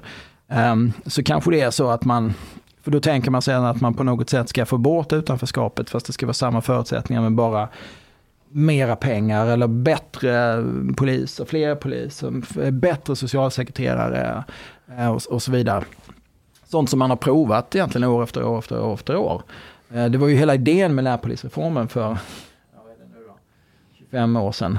Det var ju samma sak som nu den här omorganisationen. Så vi, vi vet ju precis vad, var alla de här idéerna har ska säga, landat i. Och då är min tanke liksom att istället för att fortsätta sådär 50 år till så kanske man skulle kunna föreställa sig att man lättar trycket i de så kallade utsatta områdena och försöker bygga på de områden i, i landet där det finns en fungerande social kontroll och fläta in liksom utanförskapet i, i de områdena. Eh, och det är klart att det där kommer att utmana folk naturligtvis. Och man får bestämma sig väldigt försiktigt vilken nivå man tänker sig att det här ska ske på. Hur menar du med att fläta in utanförskapsområdena? Ja, men nu sitter vi på Södermalm till exempel, hög social kontroll. Mm. Naturligtvis är mycket kriminalitet som är relaterat till krogarna och så vidare. Men, men eh, det är liksom inte på alls på samma sätt då att man inte vågar vittna och ja, det är tyst kultur och sådär. Och vad ska man kunna tänka sig här då? I det här kvarteret att man, att man kunde göra, ja nej, men det är väl liksom någon typ av fläta ihop Södermalm med Rinkeby på något sätt. jag försöker det nu med... med jag försöker bara förstå. Alltså. Ja, men exakt. Gångtunnel. Ja, jag förstår. Det är en svår liknelse. Det, det är ju så, ur, eh, vad heter det nu, Ursvik och Rinkeby, där har man ju byggt ja. den här omdiskuterade Som aldrig har invigts. Nej, just det, precis. Nej, men det är väl alltså inte riktigt, riktigt så. Utan, nej, men säg, tänk så här i London då. Hade man ju ändå en idé. Nu har ju London utvecklats på sätt bara liksom super rich, men det fanns ju ändå eh, sådana här council homes i liksom, områden Men, eh, som fungerade. Och, och, och, ja, det är klart att det blir en utmaning. Det är Men inte handen på hjärtat. Mm. Tror du DN-läsarna är intresserade av att flätas ihop med Rinkeby? Ja men det är en utmaning för folk, absolut. Men samtidigt... Nu låter du som en politiker plötsligt. Ja, nej, men det är klart att många kommer tycka det är skitjobbigt. Det har vi ju sett redan. Det är väl Trollhättan till exempel här som eh, folk tyckte att det var jättejobbigt att... Um... Liberalerna tyckte det var jättejobbigt. Ja, det men det var, var också, ja, det kanske. Men i alla fall att man då tänkte sig att man skulle flytta elever från en, en svagt presterande skola till liksom mer ja, med välfungerande delar. Och, det kommer säkert, DN-läsarna kommer älska det förslaget. Ja, men det är väl liksom, och, återigen, jag liksom skrev i boken i USA och jag tycker ändå att det är rätt uppfriskande att kolla på USA emellanåt. Um, vår um, son han gick på mellanstadiet där, middle school, eh, stor, jättestor skola, nästan 2000 elever. Det hade varit 700 från början, det bara växt, växt, växt, växt. Det var baracker, det var liksom jätte, jättetrångt. Eh, men man tyckte att man hade skapat en social kontroll där och det var metalldetektorer och det var stenhårt. Det var liksom inga gängrelaterade kläder och symboler överhuvudtaget. Mm. Det var liksom kollektiva bestraffningar upp mot väggen, verkligen sådär. Men det var en skitbra skola och det var mycket liksom kvinnliga eh, lärare som kunde hålla de här eleverna. Det är helt fantastiskt, en DN-journalist ja, säger saker som det skulle kunna vara jag. Ja, men är, vänta nu lite här. Det, nu kommer det som du inte... Nej, men, du kommer ångra att du var med. Okay. Eh, det som också hände där då, det var att man bestämt sig för att då, då bussar vi liksom elever från svagare delar av Washington DC, som det här var, till den här fungerande skolan. Vi flätar liksom in Um, ja, ett utanförskap. Vi tar Södermalm och Bromma tycker jag. Alltså jag tycker det var intressant. Det, det där är ju liksom eh, utmanade definitivt, men det var ju också kul att se att det faktiskt funkade. Sen är det klart att, jag menar, du måste ju ha en bra hemmamiljö naturligtvis, där du ska sitta och plugga, du måste, du måste ha ett skrivbord till att börja med, internetuppkoppling, så någon som ser till att du går och lägger dig i tid och kan sova och gå upp på morgonen och sånt där. Det måste ju vara ordning och reda naturligtvis, men, men jag tycker ändå att eh, i USA, som med alla dess fel och brister, finns det intressanta exempel på det. För det de inte har, det är ju liksom den här diskussionen kring att nyanlända skulle vara ett problem. Det är ju inte alls så. Nyanlända är sällan ett problem eh, faktiskt. Nej, precis. Men man har ju, Trump har ju liksom försökt blåsa upp, jaga upp eh, indignation över migration. Men det fäster ju inte riktigt. Utan det är, det är ju ändå så att USA är ett invandrarland som har liksom knäckt koden för ganska länge sedan. Och, och, och återigen då tycker jag att, att se liksom hur man hanterade den problematiken som vi ser i Rinkeby och Järva här idag, i Minneapolis. Där man, jag upplever att man blev av med det ganska tidigt. Och det gjorde man så här att man vände sig från då lokalpolitiken, som ju också styr polisen på ett annat sätt, till den somaliska gruppen. Så, vad vill ni ha? Vad behöver ni? Um, ja, då sa man, vi vill ha somaliska poliser. Ja, okej, okay. man utbildade då ett antal somaliska poliser, nästan 20 stycken tror jag på kort tid. Det är mycket kortare utbildning där och så. Och även vittnesstödjare och andra. Och plötsligt så var de liksom en del, kom in, kände liksom att okej, okay, bra, vi blir tagna på allvar. Eh, och det var ju ingen stor grej i Minneapolis. Eh, därför att det har alltid funnits, en, ska jag säga, eh, någon slags eh, instrumentellt intresse för behov hos vissa invandrargrupper ni är så här, då gör vi på detta viset. Som man gjort liksom väldigt länge. Och det där tycker jag ibland att man kan slås av att eh, man är så ointresserad av de behov och de den typ av... Men vilka behov har somalierna i Sverige att bli poliser? Ja, men jag tycker att det är intressant att fråga. Räcker det inte att vi får ta Hanif och Mustafa? Nej, det gör det ju inte. Men, vad säger men, du om det Hanif? Nej, men jag, jag, håller, jag, du, har ju, du är inne på någonting viktigt här. För att vi ser ju till exempel eh, i, i vårt område att det ser till exempel, till exempel vi har ju Rissa. Hon, alltså hon får ju oproportionerligt mycket förtroende och samtal från många föräldrar. Eh, min telefon ringer inte på samma sätt och ingen oh, annans telefon ringer på det sättet. Hur känns det Hanif? Eh, så det som är, det, här lyckas ju Rissa göra ett fantastiskt arbete. Skulle vi kunna få fler personer från området, kanske från området men även utifrån, som må, många människor känner, känner sig eh, på något sätt att de connectar till, så kanske de får ett förtroende. Men, och men det som jag förstår tolkar som att man kunde göra i Minneapolis, det var att man kunde prata klarspråk. Redan i skolan så kunde man prata om African American, att det är de som är lågpresterande. Men vi, våran polischef blev ju JO-anmäld när han refererade till att det var eh, en somalisk, eh, vad heter det, att en, en av gängen var i somalisk bakgrund. Då vart, det, då vart han ju JO-anmäld. Så, så våra utmaningar, alltså här kan inte ens polischefen prata riktigt om etnisk mm, bakgrund. Medan i USA så har man mycket tydligare att man kan pinpointa och plocka in somaliska ungdomar till att Föreställ att jag skulle gå ut och säga så här, vi vill, ha, vi vill ha ett program där vi vill ha bara somaliska ungdomar som söker. För vi vill ha fler somaliska poliser inom polisen. Du kan inte säga det Nej. i Sverige. Och tänk vad det skulle betyda då för somaliska, inte minst tjejer kanske, killar också, att se någon de kan spegla sig i poliskåren. Mm.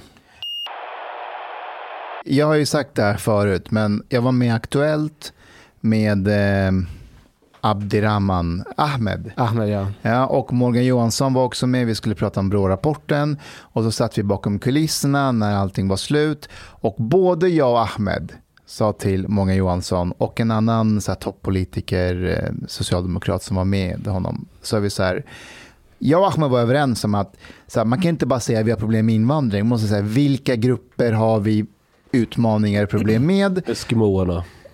Och, och, och då kan man rikta resurser mot just den gruppen. För att så här, den somaliska diasporan och afghanska kommer från klanstrukturer till exempel. Det kommer vara svårare för dem. Den bosniska gruppen har inte det på samma sätt.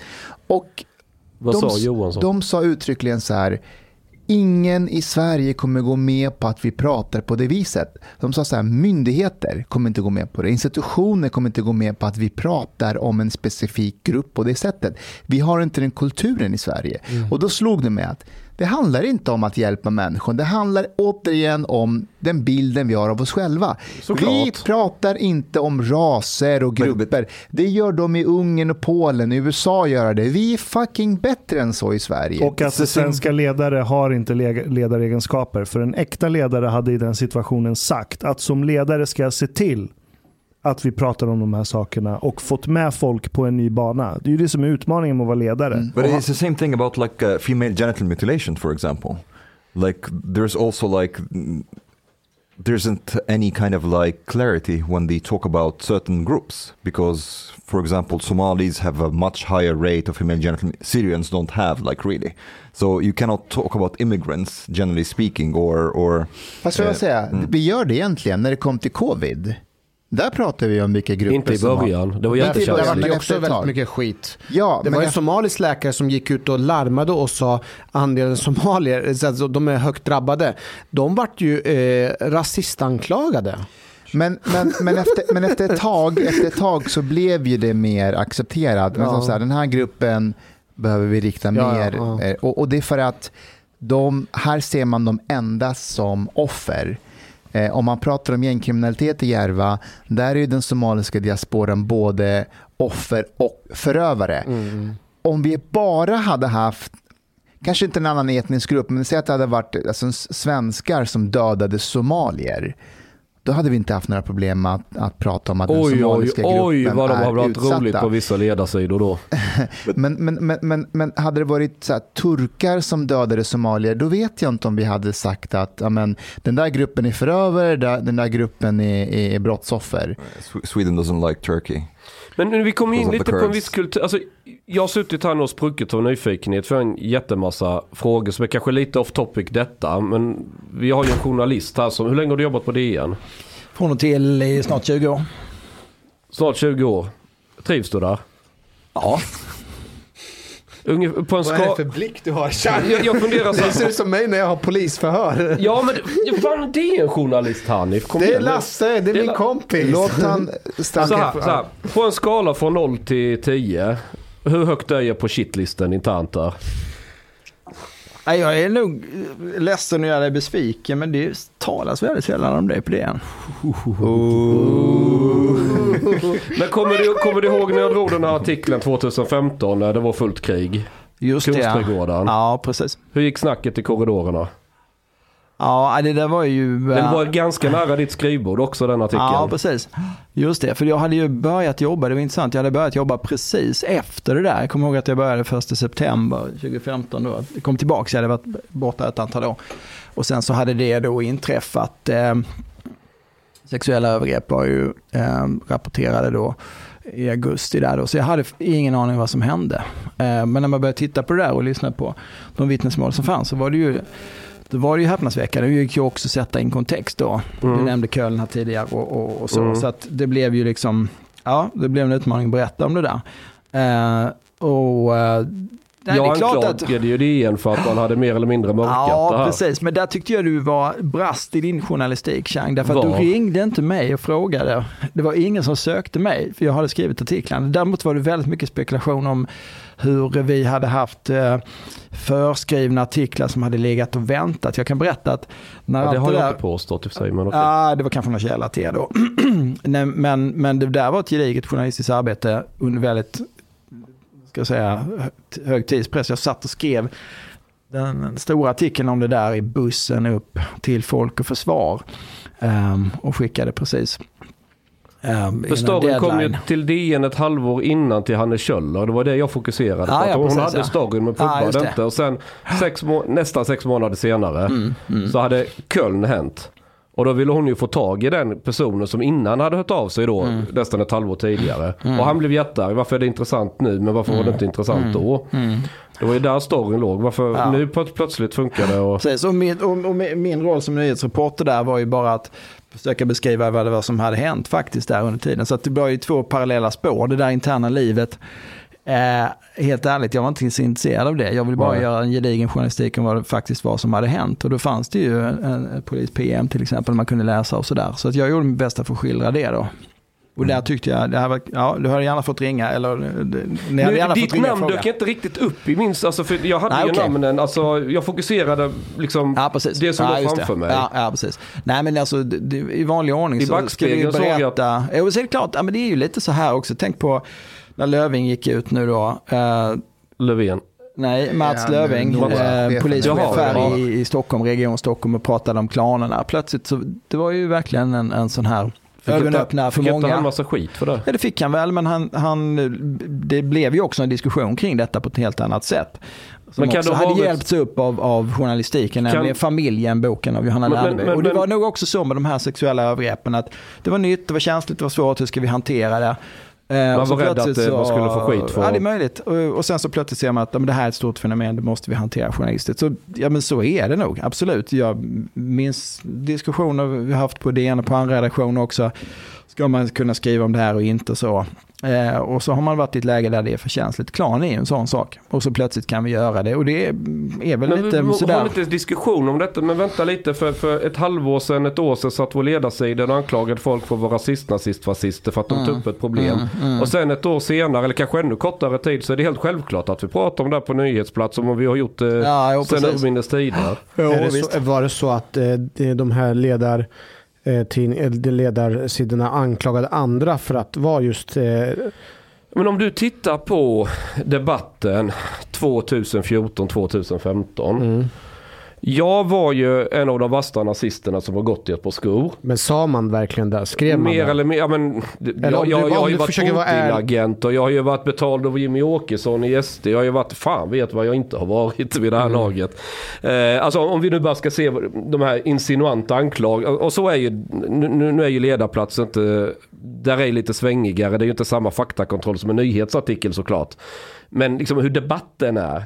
Och, och liksom, en del menar att ja, man ska skilja på nyhetsjournalistik och, och ledarplats. Men det funkar inte så i realiteten som nyhetsjournalist. Om du gör en viss artikel som går åt ett visst håll. Om man säger man vill ta upp ett nytt form av problem så kommer du bli anklagad som journalist. Vems ärenden springer du? Vad, vad är din egentliga agenda? Varför vill du prata om det? Så, så har det sett ut. Det, det är liksom... Men det intressanta är liksom på en tidning som har haft väldigt hög svansföring jag ska inte nämna någon speciell här. Nej, jag skojar bara. Men, men och om man sen liksom byter fot, ett, eh, det är många som snackar om detta fiskstimmet helt plötsligt. Det var någon som beskrev det som att i det tysta så har vi byggt en ny eh, eh, fasad. Och, och, så på en given signal river vi den gamla och så låtsas vi att den nya har stått där bakom hela tiden. Hakelius. Ja, Hakelius var det ja. Och det, det är en väldigt träffande beskrivning för hur, hur det här... För om vi hade backat fyra år. Hade du satt i en podd ihop med mig då. Jag hade inte suttit om du hade velat, honom ja, men om du hade velat behålla ditt jobb Lasse, hade det känts som en bra idé? Jag tycker att det är en, hade det varit en sån här dynamisk sammansättning med liksom, ja, högt i tak här som, som sagt. Ja, jag, jag, säga, ja, jag vet inte riktigt, jag tror att, jag vet inte, man har väl en bild kanske också av hur det funkar på jag vet att jag har aldrig jobbat på DN. Nej, så. visst, men man skulle väl kunna säga hos, om oss och vad man säger om myndigheter, myndigheter har sagt att det är väldigt mycket stuprör. Alltså det, man går inte riktigt omkring och skulle jag säga liksom, på det sättet försöker äh, lite i, i kulisserna driva någonting eller sådär. Jag som nyhetsreporter vill bara göra ett bra jobb. Jag vill bara ta reda på fakta och skriva detta. Och just i det fallet var det en stor utmaning. Men jag tycker ändå, om jag tittar på de artiklarna, att jag var ganska nöjd med resultatet. Um, sen, eh, jag gick faktiskt inte in och geggade i det, vad det var frågan. Och det är klart att okay. uh, du, det, man har en bild av hur det funkar på en tidning. Uh, och jag skulle nog ändå säga att um, om du ska vara nöjd med ditt eget arbete, eh, så, så det är ett ensamt arbete som du som driver själv och där du gentemot dina källor ja, framförallt ska känna liksom att du har gjort ett bra jobb och med dina läsare ska du beskriva det här på ett, på ett bra sätt. Eh, för att möjligtvis då liksom bidra till en eh, en lite, lite högre kunskapsnivå. Det är det enda jag kan säga om det. Lasse, if we, if we go back to, to solutions, uh, have you ever considered or weighed in um, the effect of legalization of cannabis, for example? alltså, vänta, vänta, det går inte in på... Äh, men, bara väldigt kort, det har jag verkligen gjort. Men framförallt kokain. Vi skrev en bok med Erik de la där vi diskuterar kring det här. Det är en jättestor fråga. Har du testat nu, kokain någon gång? Nej, jag, jag har aldrig knarkat. Okej, okay. Lasse, mm. jag, jag vet att du har ont om tid. Bara avsluta med. Eh, jag märker i debatten och ser om jag har fel, men att... let him answer the, qu uh, ask the question. Okej, okay. ska vi ha cannabis och heroin på Coop? Jag tror det, det, finns säkert de som kan tycka att det är härligt men det kommer inte att slå undan benen för kriminella gäng till att börja med. Så, Varför inte det? Nej, till att börja med så eh, kommer ju staten aldrig kunna leverera eh, cannabis dygnet Eller, runt. Exakt, det är det eh, Du kommer aldrig konkurrera med de som kör hem. Du kommer ju aldrig sälja till eh, barn under eh, 18. Eh, så att det kommer ju alltid finnas liksom en marknad där. Och sen så är det ju svårt well, att tänka sig att staten, sen styr du över till naturligtvis andra preparat. Det är svårt att tänka sig att staten ska hänga med och säga, ja men okej, nu delar vi kokain, ja vi kör ecstasy också. Ja men meth, ja men kanske, alltså, så det kommer ju alltid finnas en marknad som är svart. Men... Um, But much smaller though, there are studies on this, like legalization of cannabis. Ah, there is still the black market precis. of cannabis, but it's way, way smaller. Men alltså den där korrelationen mellan en marknads storlek och um, våldsnivån. Ja, ja, men ju mer jag vill se en evidens på det. Men är det inte så att ju mer pengar det finns att tjäna, ju mer våld är du beredd att ta? Du, du skjuter ju inte ihjäl någon för en 500 uh, Men eh, om, det, om det är 5 miljoner, du hade fått cash och ingen vet om det och du inte åker dit. Jag skulle nog säga så. Jag var i Spanien eh, nyligen och skildrade liksom, eh, knarkhandeln på Costa del Crime. Det kommer ett intressant reportage, hoppas jag, i DN om någon dag. Eh, och där säger man ju tvärtom att eftersom vi har en så stor marknad här så finns det plats för alla. Medan eran lilla marknad i Sverige är så begränsad i liksom internationellt perspektiv. Eh, så det ser man som en förklaring då till konfliktnivån utifrån. Rätt eller fel, men jag tror inte man kan säga så att ju större en marknad är, desto mer konflikt kommer det vara. Nej, eh, och inte heller liksom korrelationen i Uh, alltså det, ett gangsterbeteende är ett gangsterbeteende. Men hur många oavsett. går och köper smuggelsprit och sprit till nioåringar fastän vi har systemet? Nio till tolvåringar går och köper det själva. På, på bolaget? Nej, inte på nej, eh, svart. Smuggel, ja. Men hur stor andel av ekonomin av sprit är Systembolaget och, och Men om du tittar på, men kolla istället på de länder som har legaliserat, USA återigen ett bra exempel då. Eh, det är ganska svårt i många stater att få, eh, om du då har liksom eh, medical bara. Alltså nej, nej, inte medical utan nej, recreational. Mm. Ja, precis. Men då är det ju ändå begränsat på massa sätt som gör att det finns naturligtvis. Liksom, jo, men vi skiter i begränsningarna. Och det som också är grejen, var, var, faktiskt med min fru gjorde ett reportage i Colorado om de enorma kinesiska marijuanaodlingarna utanför Denver.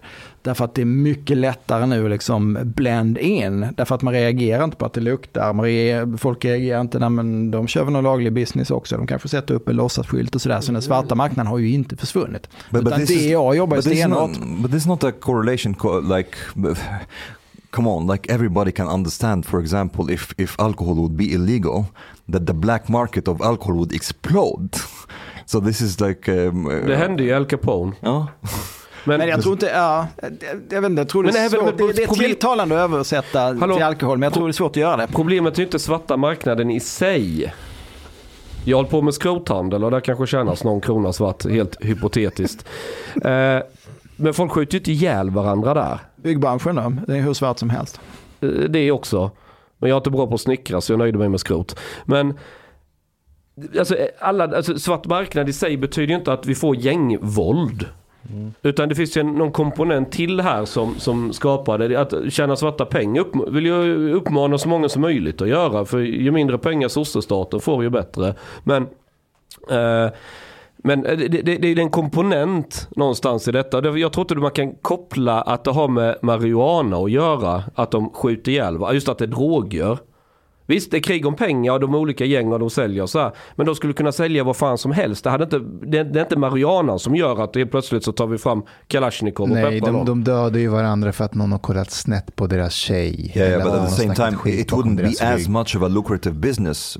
Because it's, it's, it's ridiculous also to think like for example if you would legalize uh, marijuana that suddenly people would, would start wanting like heroin because it's like uh, marijuana is, is legal now. So they would not be, to, to sell something and to make a lot of money out of it, there has to be demand for it. Eller så här, fan nu är marijuana lagligt, jag ska beställa tio kontraktsmord istället. Men, men jag, jag, jag, tror till och med att på sikt så skulle eh, marijuana bli mindre spännande. Alltså ungdomar idag dricker ju mindre än vad äldre generation gjorde när de var unga. De ligger och, också mindre. Det är ju... Nej men på riktigt. Ja men jag, jag har sagt att det, det går ut för med samhället. De knullar mindre, de super mindre, de knackar mindre. Det är, vart, vart är allting... Vad gör de istället då? Ja, vad är samhället på väg? Hej på dig, min vän. Lyssna på mig nu. Du är mycket fin människa. Du har betalat biljett på klubbzista måltid. En mycket fin radioprogram i Sverige. Tak vare dig så är det möjligt för grabbarna att köpa kaffe latte ute på torget. Betalar kningar. Shopa pudding till familjen. Oka tunnelbana. Eller dricka en kall Norrlands guld uteservering, ibland. Dit bidrak jor grabarna miket glada. Dit stot jorzista moltit mojlik, helt enkelt. Tak, min vän.